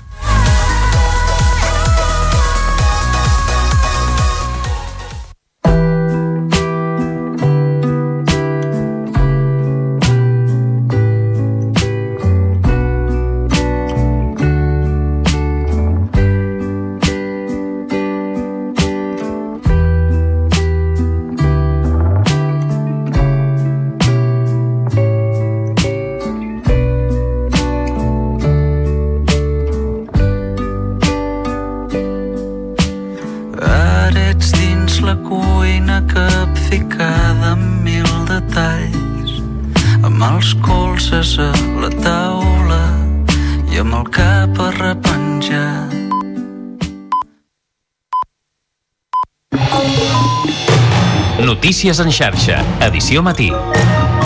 Amb Taís Trujillo. Bon dia. Noves restriccions imminents en l'ús d'aigua a Barcelona i 200 municipis més del sistema Ter Llobregat. Avui és quan el govern decretarà l'emergència per sequera a l'àmbit més poblat del país amb uns 6 milions d'habitants. Una fase que limitarà el consum a 200 litres per persona i dia i que rebaixarà també la despesa d'aigua permesa en usos agrícoles i industrials. Mentre la ciutadania pren consciència, equipaments com els gimnasos també fan pedagogia, incentivant l'estalvi per deixar clar que ara mateix cada gota resta. Així encapçalem el Notícies en xarxa d'aquest dijous 1 de febrer i al punt de les 8 del matí repassem també altres titulars. Una de cada quatre persones amb càncer perd la feina o es veu obligada a deixar-la a causa de la malaltia. Ho revela el darrer informe de l'Observatori de l'Associació Espanyola contra el Càncer. Els afectats demanen que s'acabi amb aquesta discriminació laboral i és un aspecte que lamenten que hagi quedat fora de la nova llei de l'oblit oncològic. El president de la Generalitat, Pere Aragonès, crida a la responsabilitat per aprovar la llei d'amnistia. Mentrestant, Junts i PSOE s'obren a seguir amb les converses, malgrat mantenir de moment les posicions molt allunyades. La direcció de Danone plantejarà avui l'alternativa per als 157 treballadors de la fàbrica de Parets del Vallès després de l'anunci de tancament. La companyia, que podria proposar trasllats a altres seus d'Espanya, argumenta que prop de la meitat de la planta està en desús. Jornada de conclusions al judici contra una metgessa per fer una transfusió de sang a un testimoni de Jehovà a Lleida. El pacient li demana 15 mesos de presó per coaccions i altres delictes, argumentant que va en contra de les seves creences. La facultativa ha declarat que el denunciant estava conscient i no s'hi va oposar. I en esports, un solitari gol de Vitor Roque va donar el triomf al Barça davant l'Ossassuna. L'equip va tornar a fer un partit discret, tot i jugar part de la segona meitat contra 10 per l'expulsió d'Unai García. Ferran Torres es va retirar lesionat i serà baixa les properes setmanes i a la taula l'equip continua en la quarta posició. I en cultura, Meg Ryan és la convidada estrella de la vuitena edició del BSN Film Fest, que se celebrarà del 18 al 26 d'abril amb seu principal als cinemes Verdi de Barcelona. L'empremta femenina guanya pes al certamen amb més protagonisme de directores i de temàtiques de gènere. Repassats els titulars, ara obrim àrea de serveis. Volem saber com se circula aquesta hora per la xarxa viària, per tant connectem amb el Servei Català de Trànsit i amb la Finara. Què? Molt bon dia. Hola, molt bon dia. Doncs avui ens comencem situant a la C59, a l'altura de Palau Solità i Plegamans. Hi ha hagut un accident, una topada frontal entre dos vehicles que provoca retencions en els dos sentits de la circulació des de Caldes de Montbui. També destacarem a la resta d'accessos a la capital catalana i a les retencions habituals d'hora punta. A la zona del Baix Llobregat destaquem l'autovia dia 2 amb 9 quilòmetres de retencions entre Pallejà i Sant Joan d'Espí d'entrada a la capital catalana i també aturades a les rondes de Barcelona. Acabarem destacant que avui també hi ha boira densa que dificulta la visibilitat, sobretot a la P2 entre Juneda i Castelldans, on la velocitat màxima s'ha limitat a 80 km hora. De moment això és tot. Molt bon dia. I ara tanquem portada amb la previsió del temps. Eh, Lluís Miquel Pérez, molt bon dia. El febrer comença com si estiguéssim a l'abril. Així és, Taís, molt bon dia. De fet, avui tornarem a tenir unes temperatures molt primaverals, això aquesta tarda, perquè a hores d'ara, almenys durant aquest matí, doncs l'ambient sí que és fresquet. Ja ho té també el mes d'abril, que els matins desperten més aviat doncs mandrosos. A hores d'ara han retornat algunes gelades a les valls del Pirineu i en algunes comarques de Lleida, a la costa entre els 8 i 12 graus, i com ens comentaven des del trànsit, aquesta boira una altra vegada ben ferma al Pla de Lleida. S'està estenent una miqueta fins al Solsonès, fins a la Nolla, en alguns indrets de la comarca del Bages i alguna boirina tanmateix a la resta de la Catalunya central. Al llarg d'aquesta tarda aquestes boires en gran mesura marxaran, menys alguna que quedarà reclosa al voltant del mig Segre i cap a la Sagarra. A la resta del país farà força sol, una mica més de vent, tornarà a entrar la tramuntana a l'Empordà, al Pirineu i el vent de dalt a les Terres de l'Ebre i el que dèiem, la tarda que acabarà sent de mànigues de camisa perquè hi haurà moltes temperatures entre els 16 i els 20 22 graus. déu nhi una altra vegada. N'estarem pendents a la xarxa? Notícies en xarxa, edició matí. El govern decretarà avui l'emergència per sequera al sistema Ter Llobregat. La mesura afectarà més de 200 municipis, entre els quals els de l'àrea metropolitana de Barcelona, a més de Girona. Hi ha un total d'uns 6 milions de persones. Ens ho explica el Joan Ferrer. La Comissió Interdepartamental de Sequera es reunirà de manera extraordinària per prendre la decisió un cop els embassaments d'aquesta àrea d'influència han caigut per primera vegada dels 100 hectòmetres cúbics i se situen al límit del 16% de la seva capacitat. En espera que Acció Climàtica determini totes les restriccions que s'hauran d'aplicar a partir d'ara, el plantejament inicial ja estableix un límit de consum per persona i dia de 200 litres. En l'ús agrícola baixarà del 80 al 50%, mentre que en l'àmbit industrial i recreatiu se situaria al 25% uns percentatges que es poden modificar en funció de les previsions meteorològiques. De moment, l'anticicló es fa fort i no s'esperen pluges en la propera setmana. L'Associació Catalana d'Entitats de Gestió d'Instal·lacions Esportives Públiques Gestiona ha posat en marxa una campanya per estalviar aigua davant l'entrada en vigor imminent de la fase d'emergència per sequera. Es diu Cada gota d'aigua resta i ve acompanyada d'un seguit de mesures que aplicaran als gimnasos a partir de la setmana que ve.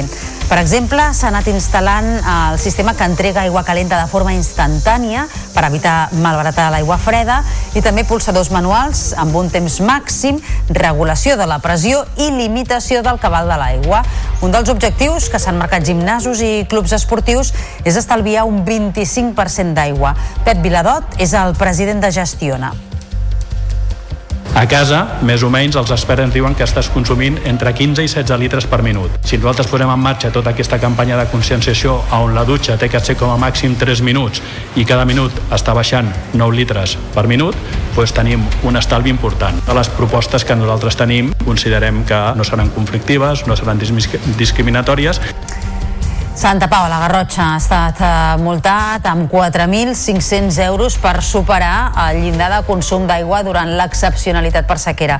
L'alcaldessa Cris Capó ho considera injust perquè l'ACA els ha sancionat sense tenir en compte les particularitats del poble. D'una banda, l'increment de gairebé el doble de la població en determinades èpoques de l'any i de l'altra, l'abastiment d'aigua que fan cap a Olot des d'una de les barriades del municipi. Evidentment no hi estem d'acord, a més no pensam que sigui així, que s'hagin de solucionar les coses, perquè, com sabeu, vull dir, els pobles petits i disseminats que tenim tant de recorregut de xarxa, és, eh, pues el seu manteniment és costós, dificultós. A més a més, no, nosaltres pensam que l'ACA no ha tingut en compte la situació del nostre municipi. Pel que fa a les conseqüències de la sequera l'any passat, el govern ja ha publicat les bases per demanar ajuts. Els regants del canal d'Urgell veuen com els pagesos que no tenien l'assegurança del cereal contractada cobraran la meitat. És una crònica del Julen Andrés des de Lleida TV. Unes 26.000 hectàrees es van veure afectades pel tancament del canal d'Urgell. Govern ja ha publicat les bases dels ajuts de 697 euros per hectàrea pels cereals. Els pagesos que no tenien l'assegurança contractada, unes 5.000 hectàrees, cobraran la meitat, 350 euros. El 80% de la gent estarà contenta, hi haurà un 20% Eh, la xifra jo mm, coneixia aquesta xifra que limitava l'assegurança eren 1.400.000 euros. Estem en una agricultura sense il·lusió amb una població molt gran i que pot afectar gent jubilada que les seves pensions eh, són de 750 euros i que millor tenien aquestes terres arrendades. Des de la comunitat també demanen rapidesa en el pagament i remarquen que ja van reclamar els ajuts al juliol. Les 13.000 hectàrees de ferratges també tindran una compensació de 1.140 euros per hectàrea. Haver guardat aigua l'any passat fa que de moment ja es puguin garantir dos recs. Pel que fa a la modernització, al març començaran les obres de tres embassaments per 35 milions d'euros.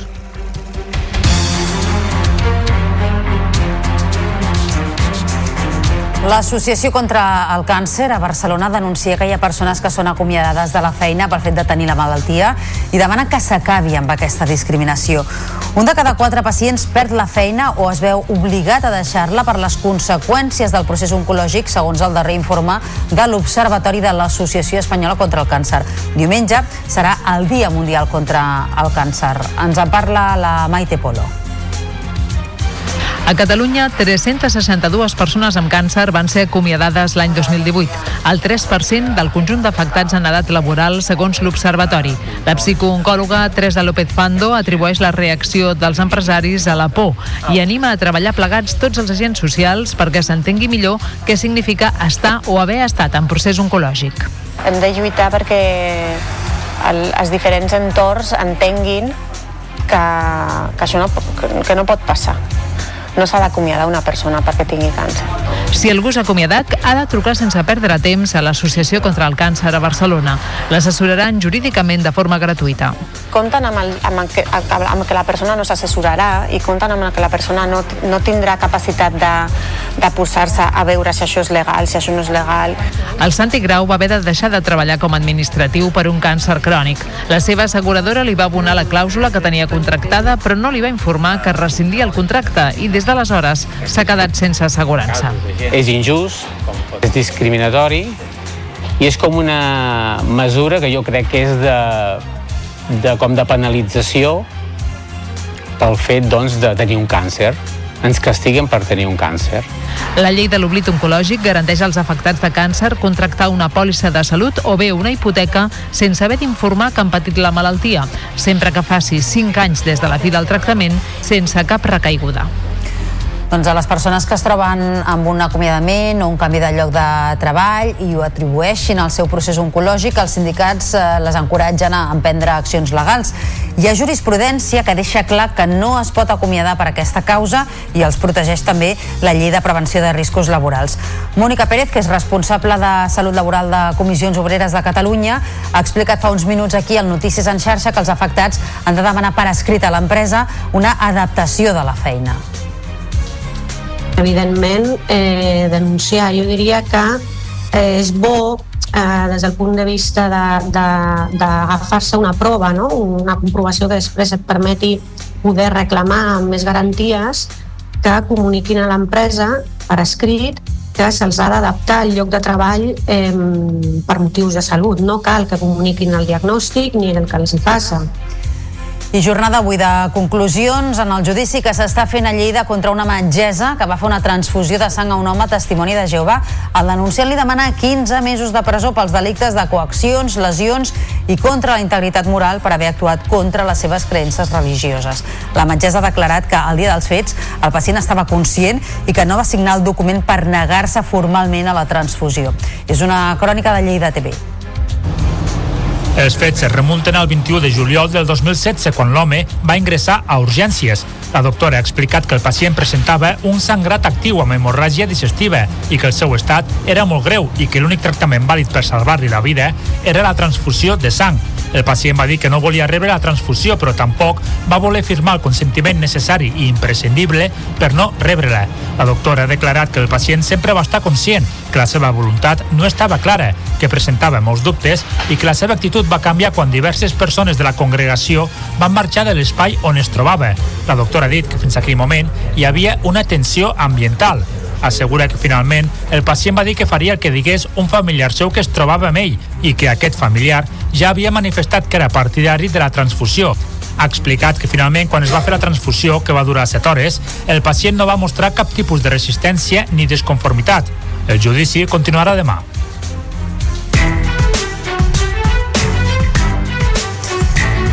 Camí ara d'un quart de nou del matí, falten dos minuts. El president de la Generalitat, Pere Aragonès, reclama responsabilitat per aprovar la llei d'amnistia, mentre que Junts per Catalunya i el PSOE s'emplacen a continuar negociant per aconseguir-ho, malgrat que mantenen els seus posicionaments enrocats. I el PP, de la seva banda, apuja el to de crítica contra aquesta llei. Ens ho explica la nostra companya Mont Carvajal.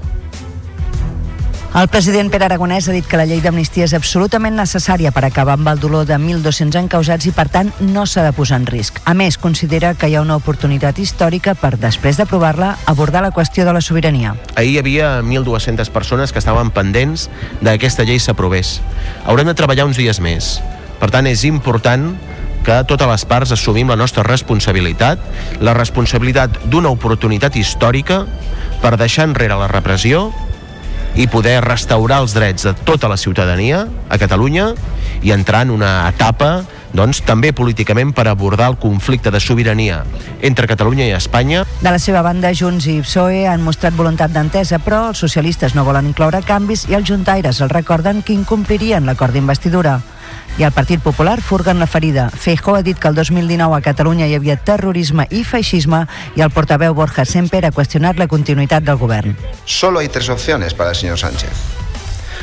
O Puigdemont cede, o Sánchez traga, o como dice Junts, colorín colorado. El govern espanyol s'ha mostrat segur de la continuïtat de la legislatura. El diputat d'Esquerra Republicana de Catalunya i secretari quart de la mesa del Parlament, Ruben Wagensberg, s'ha traslladat temporalment a Suïssa per assessorar-se davant els moviments de la justícia espanyola que el vinculen amb Tsunami Democràtic. El nom de Wagensberg ha aparegut diverses vegades relacionat amb la causa que investiga el jutge Manuel García Castellón que veu terrorisme en les actuacions de Tsunami Democràtic. El diputat d'Esquerra estava de baixa des de fa setmanes i ha marxat de Catalunya també per problemes de salut mental. Deixa clar, però, que no està a l'exili i que podria tornar en el moment que volgués. I aquest dimecres s'ha produït la primera reunió a Brussel·les entre PSOE i PP per intentar desbloquejar la renovació del Consell General del Poder Judicial.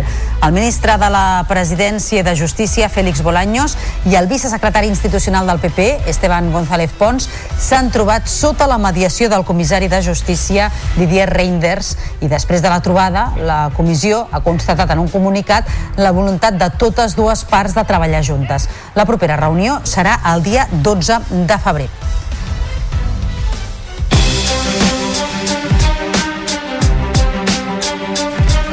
La direcció de Danone plantejarà avui el futur per als 157 treballadors de la planta de Parets del Vallès després de l'anunci del tancament. Un final de l'activitat que l'empresa justifica pel fet que prop de la meitat de la fàbrica es troba ara mateix en desús. Els treballadors, però, no es resignen a perdre la feina. Vallès Visió ha buscat les històries personals d'alguns d'ells. Darrere de cada una de les samarretes penjades a l'entrada de la planta de Danone a Parets hi ha una història, com la de Lluís, que porta 36 anys treballant a la planta.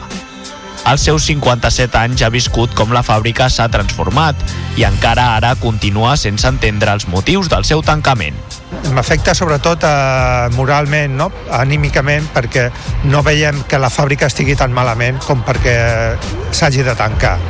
Eh, ja et dic que hi ha molta instal·lació nova, instal·lacions noves que ni siquiera han començat a...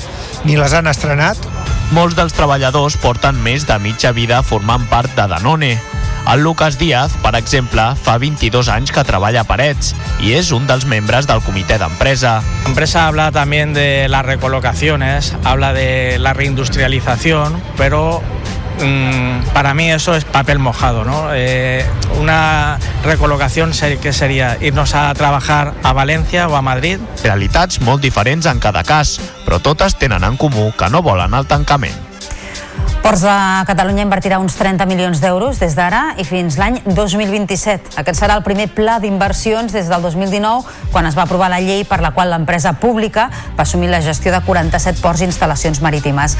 Ara l'objectiu principal és realitzar actuacions per adequar les infraestructures al canvi climàtic. És una crònica de David Benito.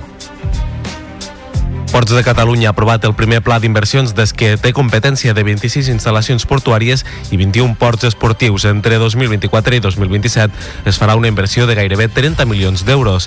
Un 44% d'aquest pressupost serà per adequar les infraestructures davant el canvi climàtic i evitar danys com va passar amb diferents temporals com el Glòria. Anabel Moreno és directora general de l'empresa pública. Part són inversions per assegurar la funcionalitat dels ports de, mm, donada doncs, tots els últims temporals que hem patit, ja des del 2008 eh, amb el temporal de Sant Esteve, però ja el més recent amb el Glòria.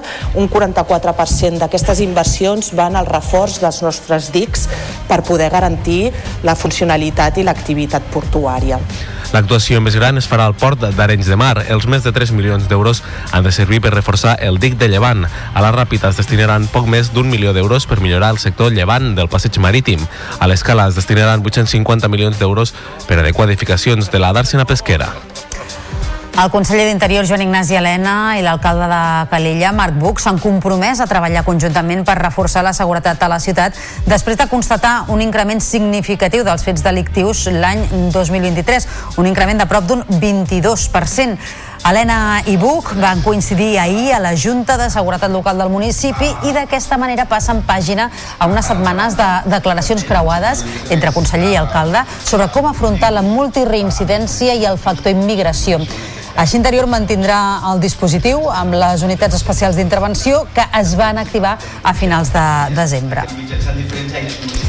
I la Generalitat ha convocat aquesta tarda la taula de seguretat del taxi. Els taxistes alerten que pateixen agressions i reclamen poder instal·lar càmeres de videovigilància dins dels seus vehicles, un aspecte que la normativa actual no permet. La petició del col·lectiu s'ha accentuat després de l'incident de fa poc en què una taxista va trobar-se amb un client masturbant-se al cotxe durant el trajecte.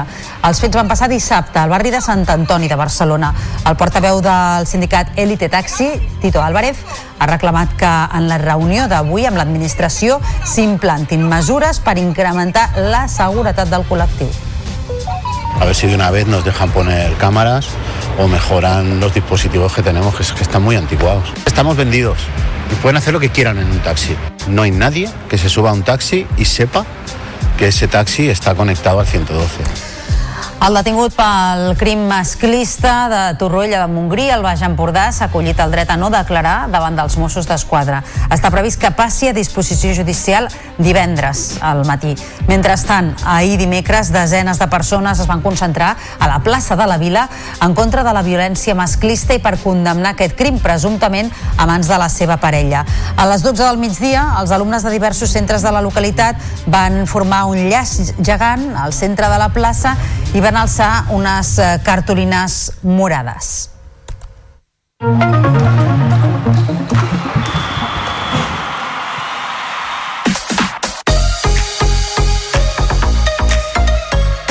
Victòria per la mínima del Barça sobre l'Ossassuna a la Lliga amb un solitari gol de Vitor Roque que es va estrenar marcant en el segon temps. La mala notícia va ser la lesió muscular de Ferran Torres que serà baixa les properes setmanes. Malgrat tot, Xavi feia un bon balanç de la victòria que manté l'equip quart a la taula. Estic content perquè crec que l'equip ha reaccionat, que era el més important, i, i crec que hem evolucionat en el joc. Tot i el resultat i tot i patir al final, penso que, que l'equip ha estat prou bé. No només del jugador, sinó de l'afició també, no? Avui l'afició ha tornat a estar de 10. De 10. Jo crec que necessitem aquesta unió del barcelonisme d'aquí a final de temporada per, per acabar de la millor manera i aquest és el camí. Els jugadors donant-ho tot, reaccionant, que necessitàvem aquesta reacció I a la Champions femenina, el Barça tanca invicta la fase de grups, però sense signar el ple de victòries. Va empatar a 4 a camp del Benfica gràcies a un gol de Lucy Brons en el temps afegit. Les Blaugrana, que ja tenien assegurat el pas als quarts de final com a primeres de grup, coneixeran el proper encreuament en el sorteig de dimarts. Els possibles rivals són l'Ajax d'Amsterdam, el Brand noruec i també el Haken suec. I més qüestions eh, esportives. Marc Gasol es retira definitivament de les pistes. El pivot de Sant Boi posa el punt final a la carrera com a jugador després de dues dècades en què ha acumulat un palmarès amb un anell de l'NBA i dos mundials entre molts altres èxits. Als 39 anys explica que se centrarà en la presidència del bàsquet Girona i també que dedicarà més temps a la família. Crec que és el moment de, un pas al costat, de, de veure i disfrutar i de transmetre tot això que el bàsquet m'ha donat a mi, que és moltíssim, que és moltíssim. Una part meva més eh, objectiva ho tenia decidit, hi havia una altra part que ho, lluitava, intentar trobar um, reencaminar la part de jugador, bueno, doncs encara puc jugar, encara puc ajudar, puc fer això, puc fer allò. Um, ha estat un procés llarg i dur i hi ha, hi ha una part de mi que no està d'acord amb, aquest, amb, aquest, amb aquest desenllaç. Triomf contundent del Barça en partit de l'Eurolliga de bàsquet davant la Virtus de Bologna. Es va imposar per 84 a 57 i recupera la segona posició a la taula. La Provítola amb 16 punts i Willy Hernán Gómez amb 17 van ser els màxims anotadors. El tècnic, Roger Grimau, destacava les claus del triomf. Penso que hem fet un partit molt rodó, molt regular, molt sòlids a tots els nivells, tant a nivell, a nivell ofensiu com a nivell defensiu. Potser ens ha costat entrar una miqueta al primer quart, però, però en seguida hem, hem agafat un to físic i d'energia eh, necessari per, per, per aquest partit i contra aquest rival Diumenge arrencarà al Palau Sant Jordi una nova edició del Mundial d'X-Try. El, el gran favorit en aquesta 47a edició de Trial Indoor Barcelona és Toni Bou, guanyador de tots els títols en joc des de l'any 2007. El pilot de Piera, de 37 anys, acumula 34 títols mundials de trial a l'aire lliure i en pista coberta. També lluitarà per la victòria el veterà Adam Raga, de 41 anys, l'únic pilot que també sap què se sent guanyant un mundial. De fet, entre tots dos sumen un total de 40 títols mundials.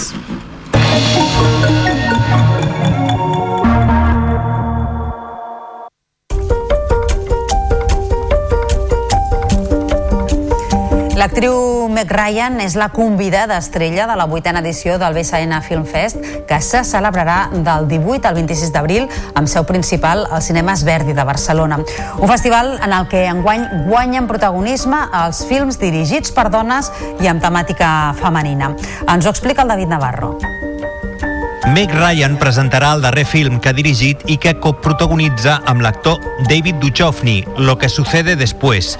Entre la setantena de pel·lícules que participaran en les diferents seccions hi ha els darrers treballs de Paola Cortelesi, Siempre nos quedará mañana, o de Vincent Pérez, The Edge of the Blade. Tots dos realitzadors visitaran també el festival, a banda del que podria ser el darrer film protagonitzat per Michael Caine, La gran escapada. En global, una selecció amb moltes pel·lícules dirigides per dones, segons ha explicat la directora del BSN Film Fest, Conxita Casanovas. La lluita de les dones per aconseguir els seus drets és el que aquest any es repeteix molt en molts dels arguments de, la, de les pel·lícules que s'imposen les dones al Barcelona Film Festival i en els seus arguments, però de manera natural, sense cap premeditació, sense quotes. Enguany, el BSN Film Fest ret homenatge al cineasta Yasujiro Ozu, amb una retrospectiva de la seva obra i el disseny del cartell del festival. Fa dos anys, el Mèdul Centre d'Arts Contemporànies de Tarragona va entrar dins l'edifici de la tabacalera. Enguany ho tornarà a fer amb una nova proposta, però no serà la única perquè la temporada 2024 presenta algunes novetats. En Biel Roqueig al mar de TAC 12 ens les explica. El 2024 es presenta com un any molt ambiciós per al Mèdul. El Centre d'Arts Contemporànies de Tarragona es troba en una línia ascendent i per enguany continua creixent. Per una banda, el Mèdul tornarà a obrir les portes de la tabacalera com fa dos anys amb l'exposició de Cabo San Roque. En aquest cas no s'utilitzarà el mòdul 6 com llavors, sinó que s'optarà per una nau més gran perquè ho requereix l'exposició Digital After All. D'altra banda, una de les grans novetats del Mèdul per al 2024 és l'obertura de la sala principal del Banc d'Espanya. Tenim un petit caràcter expansiu barra conqueridor que volem expandir-nos a espais d'aquesta ciutat que ara estan literalment morts del fàstic i que com a mínim el que volem és donar-li um, algun paper més en aquesta, en aquesta ciutat. Enguany també creix l'aposta educativa amb un màster setmanal de masterclasses d'art, la tercera edició de les residents de TikTok o la segona del Premi Radar Mèdul adreçat a alumnes de batxillerat artístic.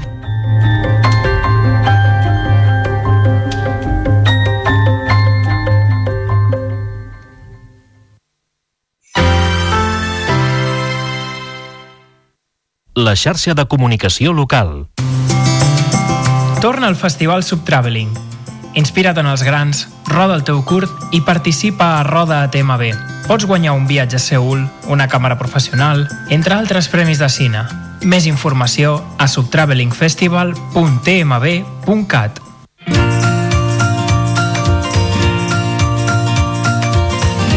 Gent del Som Terra.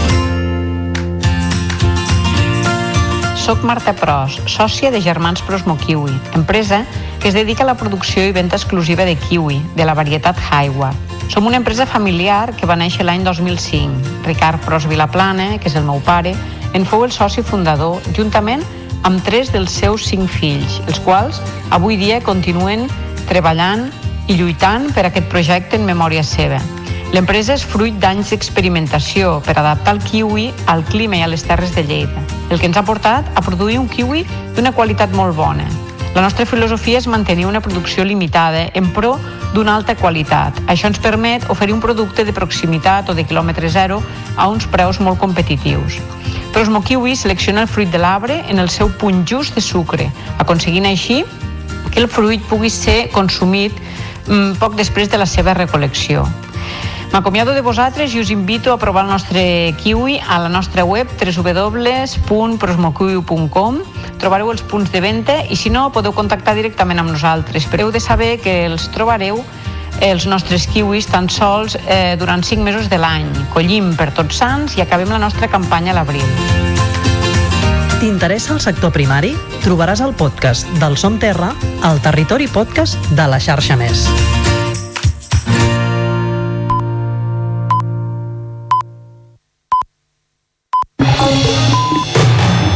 Notícies en xarxa, edició matí. Amb Taís Trujillo. Bon dia, són dos quarts de nou del matí i en aquesta darrera mitja hora del Notícies en xarxa entrevistarem aquí al nostre plató la presidenta d'en Comú Podem al Parlament, Jessica Albiach. Amb ella analitzarem l'actualitat política amb la llei d'amnistia i la negociació dels eh, pressupostos en el punt de mira, però com no pot ser d'una altra manera també abordarem la gestió de la sequera. I és que, tal i com us hem anat explicant al llarg del matí, avui és quan el govern decretarà l'emergència per sequera al sistema Ter Llobregat, del qual veuen uns 6 milions de persones.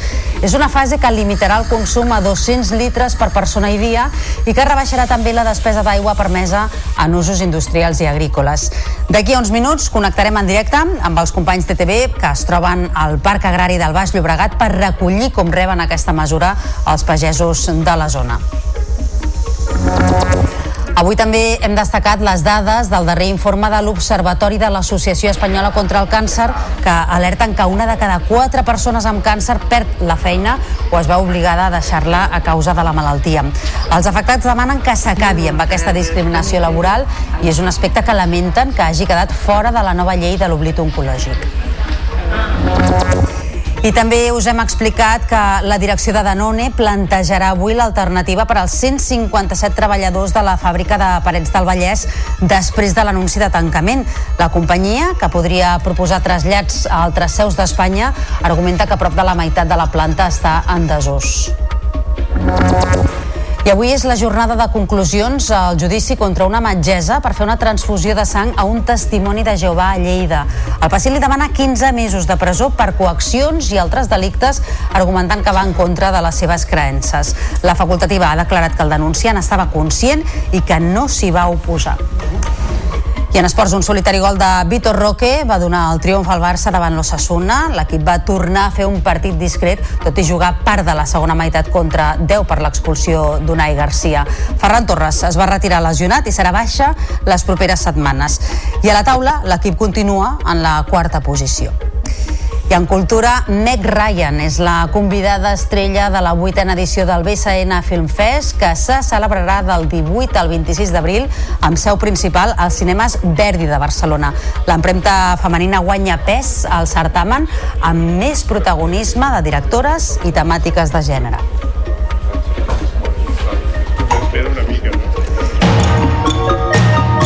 Notícies en xarxa, edició matí.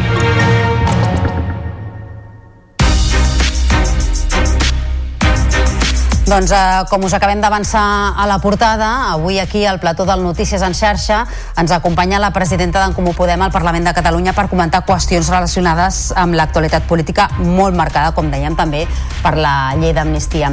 Jessica Albiach, molt bon dia. Molt bon dia. Una llei d'amnistia més que va sorgir de les files de Sumar i d'en Comú Podem. Com sí. valoreu el que ha passat aquesta setmana al Congrés amb aquest intent fallit d'aprovar la legislació? Mira, a mi sí que m'agradaria començar dient que per nosaltres l'amnistia és un pas natural per culminar la desjudicialització que van començar l'anterior legislatura. Com sabeu, primer van ser els indults, després l'eliminació del delicte de sedició i pensem que necessitàvem aquesta amnistia perquè n'hi ha centenars de persones, i quan parle de centenars de persones estic referint-me, per exemple, a uixers, a directors d'escoles que l'1 d'octubre doncs, van obrir perquè la gent pogués votar, és a dir, estem parlant de moltíssima gent de perfil molt transversal, moltes vegades persones anònimes, perquè sembla que això només va dels líders dels partits, per tant estem parlant de centenars centenars eh, de persones que estan encausades i que evidentment doncs, aquesta causa s'ha de tancar. I pensem que la llei d'amnistia és necessària. I no només és necessària per certes persones, per centenars de persones, sinó jo crec que també ens la mereixem com a país no? per poder fer política doncs, mirant al futur i no només al passat per fer política des de la fraternitat i no des de la venjança. I en aquest sentit la nostra aposta per l'amnistia era claríssima i sabeu que aquí el, el meu company Jaume Sens doncs, ha tingut també un paper important en les negociacions. Aleshores, què ha passat aquesta setmana? Doncs ha passat que teníem una llei, una llei sòlida, una llei robusta, eh, que tenia un objectiu molt clar. Per un costat, ser útil a totes aquestes centenars de persones i per un altre costat, que no la puga tombar ni el Tribunal Constitucional ni la justícia europea. No? I en aquest sentit, nosaltres eh, teníem molt clar que aquesta llei era constitucional i per tant sí que tenia aquesta solidesa jurídica. Eh, Junts decideix eh, que no és suficientment ambiciosa, ells parlen d'una llei integral, doncs per què? Perquè estem escoltant alguns jutges que estan tenint una inventiva, no? jo crec que pròpia de, de, de, de bueno, són, estan, estan en plan novelero, anem a dir-ho així, i, i què és el que ens trobem? Doncs que creiem que Junts està caient en el parany dels jutges. Per què dic això? Doncs perquè tu no pots en una llei anar anticipant a cada ocurrència o a cada moviment que puguen fer els jutges. No? I per, per això nosaltres el que ha passat aquesta setmana ha sigut una oportunitat perduda.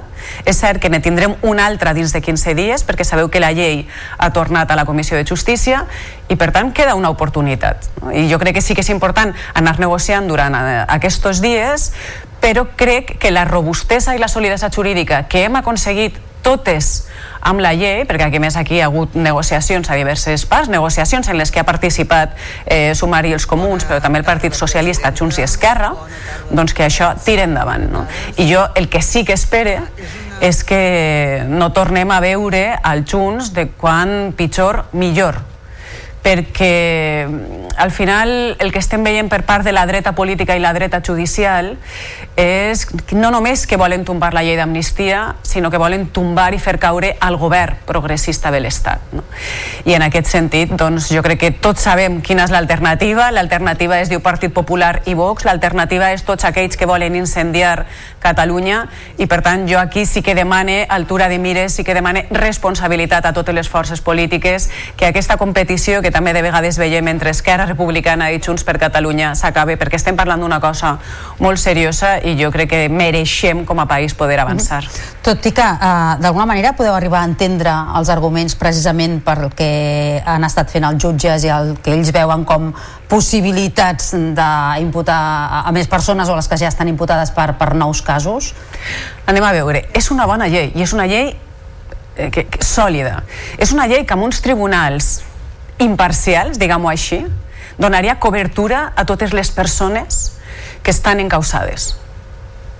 Ara, quins moviments seguirà fent aquesta dreta judicial no els podem anticipar perquè estem veient això, aquesta capacitat inventiva, aquestes ocurrències, perquè van en contra de la llei, però sobretot van en contra del govern. I per tant, jo crec que és important no caure en el seu parany.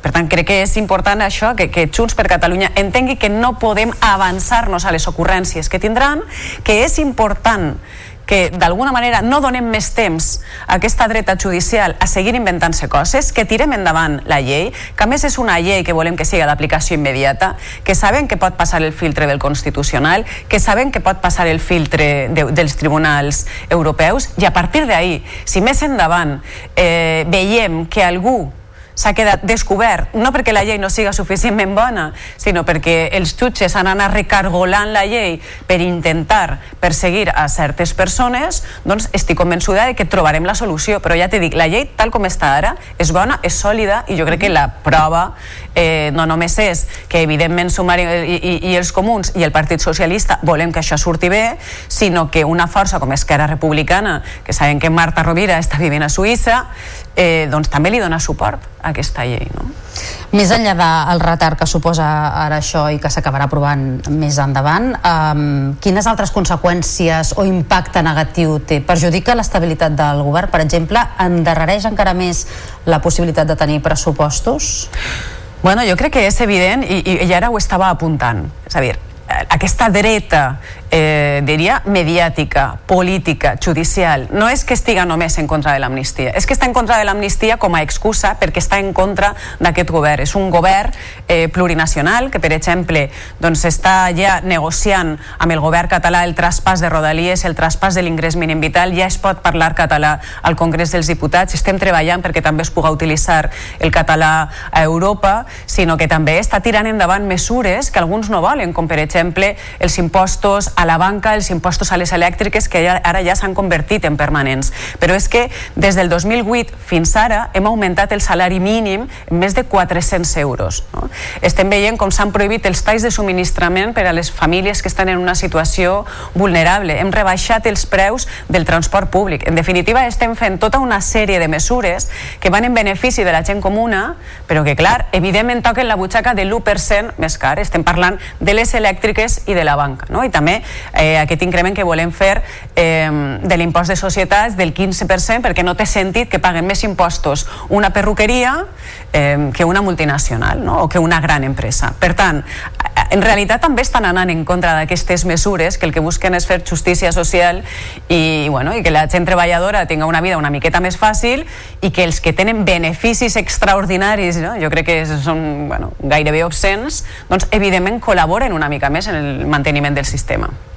Per tant, s'endarrereixen els pressupostos generals de l'Estat i també els de la Generalitat com a conseqüència? Els pressupostos de la Generalitat i els pressupostos de l'Estat van en paral·lel i van per separat. Sí que he escoltat aquests últims dies el president de la Generalitat, el senyor Aragonès, dir que havien començat a negociar i que estava molt esperançat en les negociacions amb, el PSC, amb nosaltres i amb dos grups més. Jo sí que vull ser clara, no estem negociant encara els pressupostos del 2024, que és el que jo li he traslladat al president i al govern en públic i en privat saben que nosaltres sempre som partidaris de tindre pressupostos. De fet, Catalunya ha tingut pressupostos des del 2017 en tres ocasions i en les tres nosaltres hem participat del 100 possibilitat. Per què? Perquè quan parlem de pressupostos estem parlant d'una millor sanitat pública, d'una millor educació pública, de eh, tirar endavant renovables que anem a la cua en aquest país, però sí que li dic, la bona voluntat no vol dir un xec en blanc i no vol dir que vostès ens porten arrossegats que donen el nostre vot per suposat. Si algú dona dona el vot dels comuns en els pressupostos, per descomptat, s'equivoca. I què és el que li estem plantejant al govern? Primer, N'hi ha incompliments de l'acord del 23. La setmana que ve tindrem una reunió amb, amb el govern per calendaritzar aquests eh, incompliments. És a dir, ja tenim colla avall que n'hi ha incompliments i, per tant, molt bé. En quin calendari tu creus que això m'ho pots resoldre? Estic parlant de coses tan necessàries com poder veure el teu metge metgessa de capçalera en un termini màxim de 5 dies en l'atenció primària. No? Doncs coses com aquesta, calendaritzar-les. Segon, què li estem dient? En els pressupostos del 24, evidentment, has de parlar d'habitatge, jo crec que és un dels principals problemes que tenim ara mateix al nostre país. És cert que tenim una llei estatal que ara se desplegarà a Catalunya, però la Generalitat té moltes competències, principalment té totes les competències en matèria d'habitatge. Aquí estem parlant de que el parc públic d'habitatge a Catalunya és del 2%, la mitjana europea és del 15%. Per tant, s'ha de fer habitatge públic. Habitatge, per tant, educació. Tenim una crisi educativa profunda, que a més jo crec que amb diàleg amb la comunitat educativa, amb planificació i amb recursos, recordem les retallades que encara les estem patint, doncs això eh, s'ha de posar, no? I torne a dir, jo crec que també en matèria sanitària, no només atenció primària, sinó també, per exemple, oculista, i després, evidentment, infraestructures per la sequera i desplegament per renovables. No? Per nosaltres, aquests són els pilars del pressupost del 24. I n'hi ha un tercer element, que a més també va vinculat amb la sequera, però també amb el model de país, que és eh, bueno, infraestructures com el casino més gran d'Europa que volen fer al Camp de Tarragona, no? el famós Hard Rock. No és una cafeteria, estem parlant del casino més gran d'Europa al Camp de Tarragona. Què ens portaria aquest macrocasino? No? Doncs no només ens portaria, evidentment, un foment de la ludopatia i de les addiccions, que sabem que és un problema molt greu i, i, i també estem veient com un dels col·lectius més afectats és la gent jove, sinó que també ens portaria problemes d'inseguretat i de delinqüència.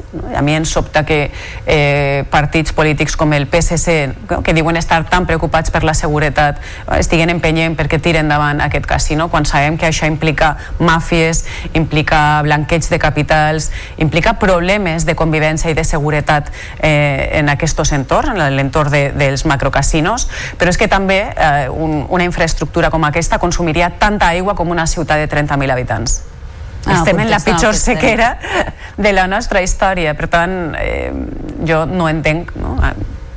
Com volen tirar endavant aquests projectes que és cert que van ser pensats fa més de 10 anys que en aquells moments bueno, jo considero, fins i tot fa 10 anys, doncs hagués pensat que estaven absolutament desfasats no? i fora de temps, però que ara, amb la situació actual del nostre país, doncs em semblen delirants i no entenc bueno, com, com continuen ancorats en aquestes propostes antigues, velles, que no funcionen perquè a més al Camp de Tarragona tenim un problema no només tenim un natural, sinó que tenim una precarietat laboral altíssima, perquè la major part de la gent se dedica al sector del turisme, no? al sector serveis eh, carai, el meu model és el de la fàbrica de, de bateries, que sí que se posarà en Montroig del Camp, lote. No és eh, aquest model de precarietat del tercer... Eh, no? del sector terciari que, que, que volen impulsar amb això. Per tant, està clar que el Camp de Tarragona necessita oportunitats d'ocupació, oportunitats d'ocupació bueno, digna i en bones eh, condicions i això no ens suporta el Hard Rock. Això uh -huh. ens suporta eh, doncs construir, acabar de construir el tren tram que saben vostès que és una de les, eh, bueno, una de les condicions que nosaltres vam posar en els pressupostos de l'any passat i de l'anterior i que això tira endavant o fàbriques, indústria com la de bateries. Uh -huh. Ja n'ha anat uh, fent referències, però entrem en el tema de la sequera, perquè mm. avui és previst que es decreti aquest estat d'emergència a la zona de la Conca Ter-Llobregat. Són 6 milions de persones, àrea sí. metropolitana de Barcelona, de Girona què és el que hem d'esperar a partir d'ara i, i què espera que faci el govern tenint en compte la gestió prèvia que ha anat fent d'aquesta sequera? Sí, bueno, jo crec que ja s'ha convertit en un lloc comú que el govern ha arribat tard. No? perquè diuen, ah, estem millor preparats per a aquesta sequera que la sequera del 2008 clar, estem millor preparats per totes les obres que es van fer durant la gestió de la sequera del 2008. No? I, i, i per tant, eh, a mi sí que m'agradaria recordar que l'última gran obra pública per fer front a la sequera és la desalinitzadora del Prat del 2009 i des de llavors no s'ha fet cap altra infraestructura en aquest sentit. Per tant, hem vist una manca de planificació mm, jo crec que evident I ara, eh, a mi què és el que em preocupa? Em preocupen diverses coses. La primera cosa que em preocupa és l'equitat. Estem veient com està patint molt l'agricultura, ja han començat les restriccions en agricultura, està patint molt la indústria, i a més això pot anar a més, per tant, aquí n'hi ha un altre punt, i en canvi hem vist barra lliure per al turisme. No? I nosaltres què demanem, entre altres coses? Doncs demanem que el turisme siga considerat, no? perquè ara el consum d'aigua turística és com si fos consum domèstic. Nosaltres el que diem és que s'ha de considerar un sector específic. Per què? Doncs perquè si tu mires el consum d'aigua d'una persona de Santa Coloma, són 94, dic Santa Coloma per dir una ciutat eh, nostra, eh, metropolitana, estem parlant de 94 litros per dia i persona. No? Si tu mires el d'un turista, són 555 litres per dia i persona. Estem parlant de 5 vegades més consumeix aigua un turista. I per tant, clar, jo crec que aquí s'ha de posar una mica eh, fil a l'agulla, per, per, perquè estem veient barra lliure per a uns i en canvi restriccions per a altres. Segon, també ens preocupa eh, bueno, o nosaltres proposem caminar cap a la gestió pública de l'aigua. Per què? Doncs perquè sabem que s'incrementarà el preu de la factura, perquè ja l'aigua doncs, comença a vindre a ver les desaladores que les tenim uh, treballant dia i nit, i en aquest, això encareix la factura, i una gestió pública de l'aigua pot abaratir la factura fins a un 22%. O sigui, la factura que nosaltres paguem cada mes o cada dos mesos, no? eh, depenent del cas, en aquest sentit. I després també, no només que es facin les infraestructures necessàries, evidentment eh, que s'ha de canviar el sistema de regadius, ara mateix eh, n'hi ha molt de recamanta i hem de passar a recaoteig, això és important. Pensar també en quin tipus de cultius eh, tenim, han de ser més resilients i potser hem de passar alguns de regadius a, a secans i després tenim un problema amb els aqüífers. 7 de cada 10 aqüífers del nostre país estan contaminats pels purins no? i per tant la ramaderia intensiva, principalment les macrogranxes de porcs, també doncs, estan, eh, estan destrossant els aqüífers d'on podríem traure aigua perquè els estan contaminant. No? I per tant, s'han de fer s'han de prendre mesures que han de caminar cap a l'equitat. No pot ser que siga agricultors, eh, ciutadania en general, amb el consum domèstic i indústria, els que paguen diguem, aquesta sequera, no? jo crec que aquí el turisme també ha de col·laborar i sobretot no hem de mirar només a curt sinó que hem de mirar a llarg. I també és cert que nosaltres sempre defensarem la solidaritat entre territoris però no pot ser que ara tornem a demanar-li a l'Ebre també. Per tant nosaltres no estem d'acord en un trasbassament de l'Ebre Jessica Albiach, presidenta d'en Comú Podem al Parlament de Catalunya. No tenim temps per més. Gràcies per haver vingut avui al Notícies en xarxa i fins a la propera. Moltíssimes gràcies a vosaltres i només deixeu-me que diga un apunt, ara que també tenim una polèmica amb Eurovisió. Jo crec que és d'un cinisme i d'una hipocresia absoluta eh, dir que Israel pot participar perquè suposa que aquest festival és apolític. Vull recordar que Rússia va ser vetada i ara el que està fent Israel és un genocidi, és un extermini televisat cada dia eh, bueno, que, que estem veient a través dels mitjans de comunicació i per tant això no va de ser apolític o no, això va de defensar els drets humans o no. Queda dit. Gràcies, Gràcies. per venir. Bon dia. Notícies en xarxa. Tot el que cal saber quan comença un nou dia. I tal i com us hem anat explicant, avui es decreta l'emergència per sequera al sistema Ter Llobregat. Un dels sectors que en patirà molt directament les conseqüències és l'agricultura. La mesura ja ha provocat les queixes dels regants del Parc Agrari del Llobregat. Volem copsar com afronten la situació els pagesos. Anem fins a Sant Boi de Llobregat, allà hi ha els companys de TV, la Laura Santos i el Josep eh, Collell. Josep, molt bon dia. Molt bon dia, companys. Doncs sí, estem just aquí a Sant Boi de Llobregat per veure una mica com pot afectar en els pagesos aquest 80% de reducció en les restriccions de l'ús d'aigua. Per fer-ho parlarem amb en Lluís Solanes, que és el president de la cooperativa agrícola d'aquí. Sant Boi, Lluís, bon dia. Hola, bon dia, què tal? Explica'ns una mica com valoreu aquestes restriccions, com us poden afectar a vosaltres aquí, als vostres conreus? Home, bé, evidentment, quan hi ha una reducció d'aigua, el canal el que haurà de fer és distribuir-la millor encara perquè tots els pagesos podem anar regant. Eh, la capacitat que té el canal és molt important per portar l'aigua, però clar, amb aquesta reducció es veurà afectar totes les, les filloles de, del canal de la dreta. Per tant, s'haurà de distribuir molt millor perquè tots els pagesos podem anar regant les nostres plantacions. És una reducció d'un 80%. És una reducció que vosaltres trobeu excessiva, que veient la situació la veieu relativament raonable? Bé, a veure, quan no hi ha aigua, a veure, les reduccions són, són les, que han de, les, les que han de ser, evidentment. Nosaltres, si no plou, no s'omplen els pantans, hem d'anar regant amb l'aigua regenerada i, evidentment, si segueix aquest període de, que, no, que no plou, doncs, evidentment, clar, si hi ha unes reduccions, ens haurem d'adaptar amb aquestes reduccions, vull dir, perquè si no hi ha aigua no podem fer gaire cosa més nosaltres. Els vostres camps, els vostres conreus actualment eh, estan en situació de perill o de moment encara heu, heu pogut anar passant l'hivern relativament bé? Bé, a veure, amb l'aigua que hem tingut regenerada i la poqueta que ha anat baixant del riu hem pogut anar regant. Sí que ens està preocupant tot el que és la campanya de, de cara a l'estiu, no? perquè si no tenim aigua, evidentment no es podrà plantar i no es podran regar. Llavors, això sí que serà un problema de, de veritat molt fort. Què els hi demanaríeu a, a les administracions, a l'ACA, per tal de que aquest perill que aquest possible perill que em comentaves ara de cara a la campanya d'estiu no s'acabi convertint en una realitat i la pagesia d'aquí al Baix Llobregat i a tot Catalunya fins i tot pugueu continuar tirant endavant. Bé, a veure, l'administració la, la, ha de fer les, les inversions oportunes. Uh, L'any 2007-2008, quan es va aquella sequera, es van fer una sèrie d'inversions bastant importants.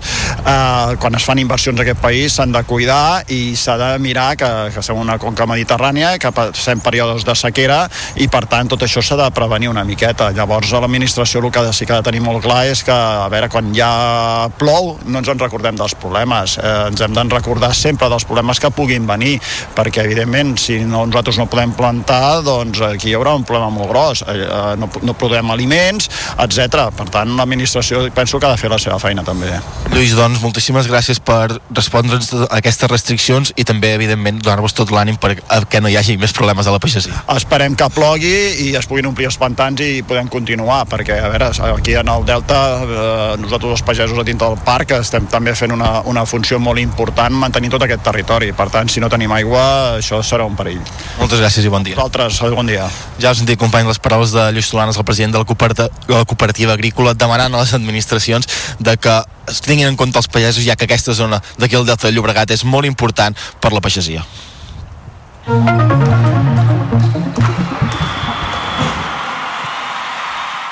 I ara repassa l'actualitat esportiva. Cristina, victòria del Barça sobre l'Ossassuna. Sí, amb protagonisme per a Vitor Roque. El brasiler va sortir a la segona part i va fer l'únic gol del partit, el primer que marca com a blaugrana. A la mala notícia del partit, la lesió muscular de Ferran Torres, que en tindrà per unes setmanes, estarà unes setmanes de baixa.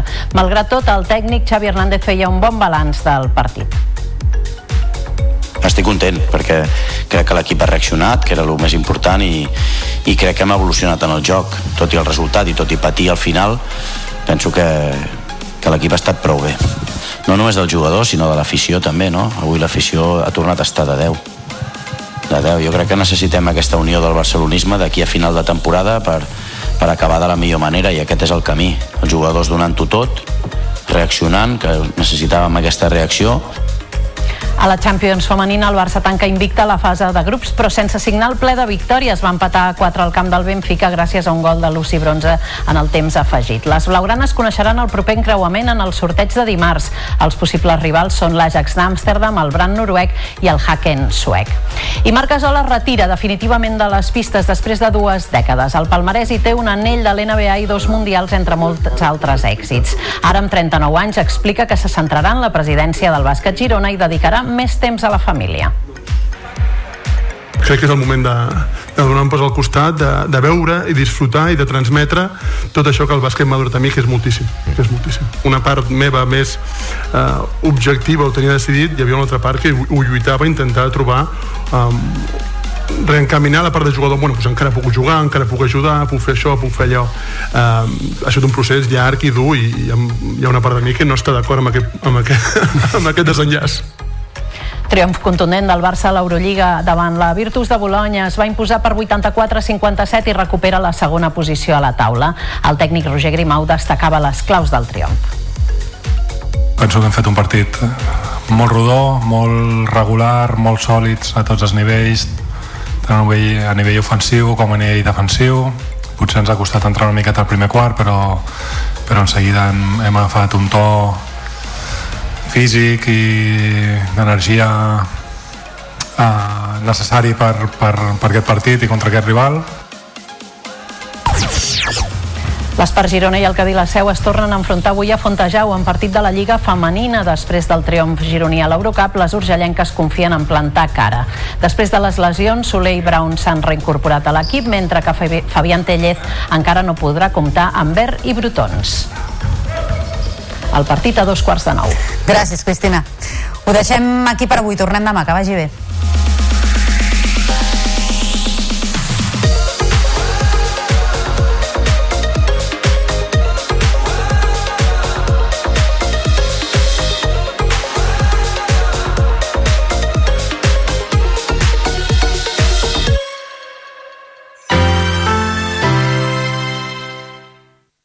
la xarxa de comunicació local.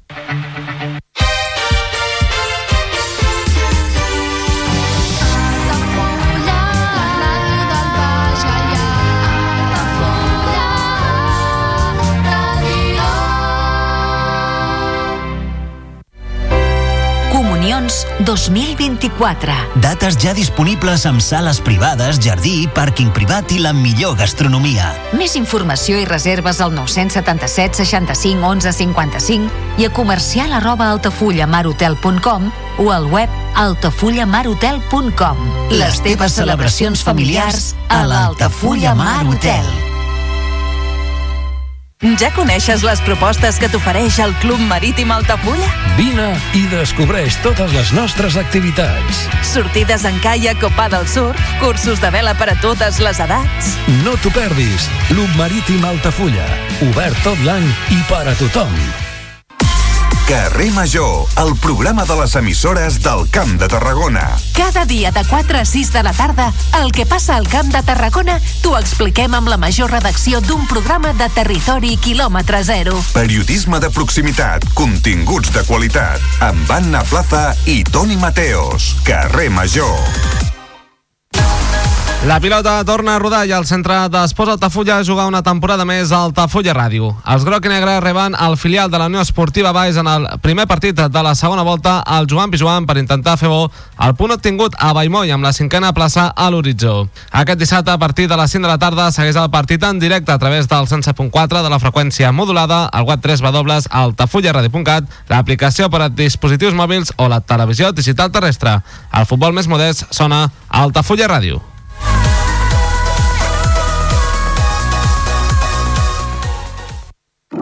Tot el que vull fer ara està prohibit.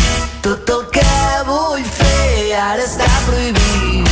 Tot el que vull fer ara està prohibit.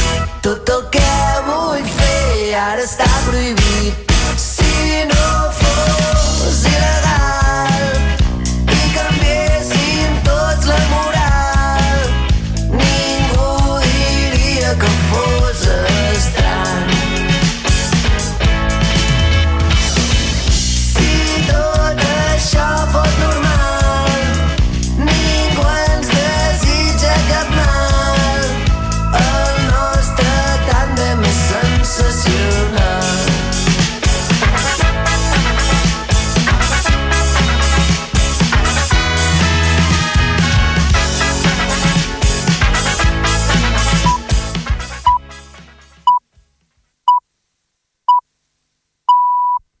Són les 9 del matí.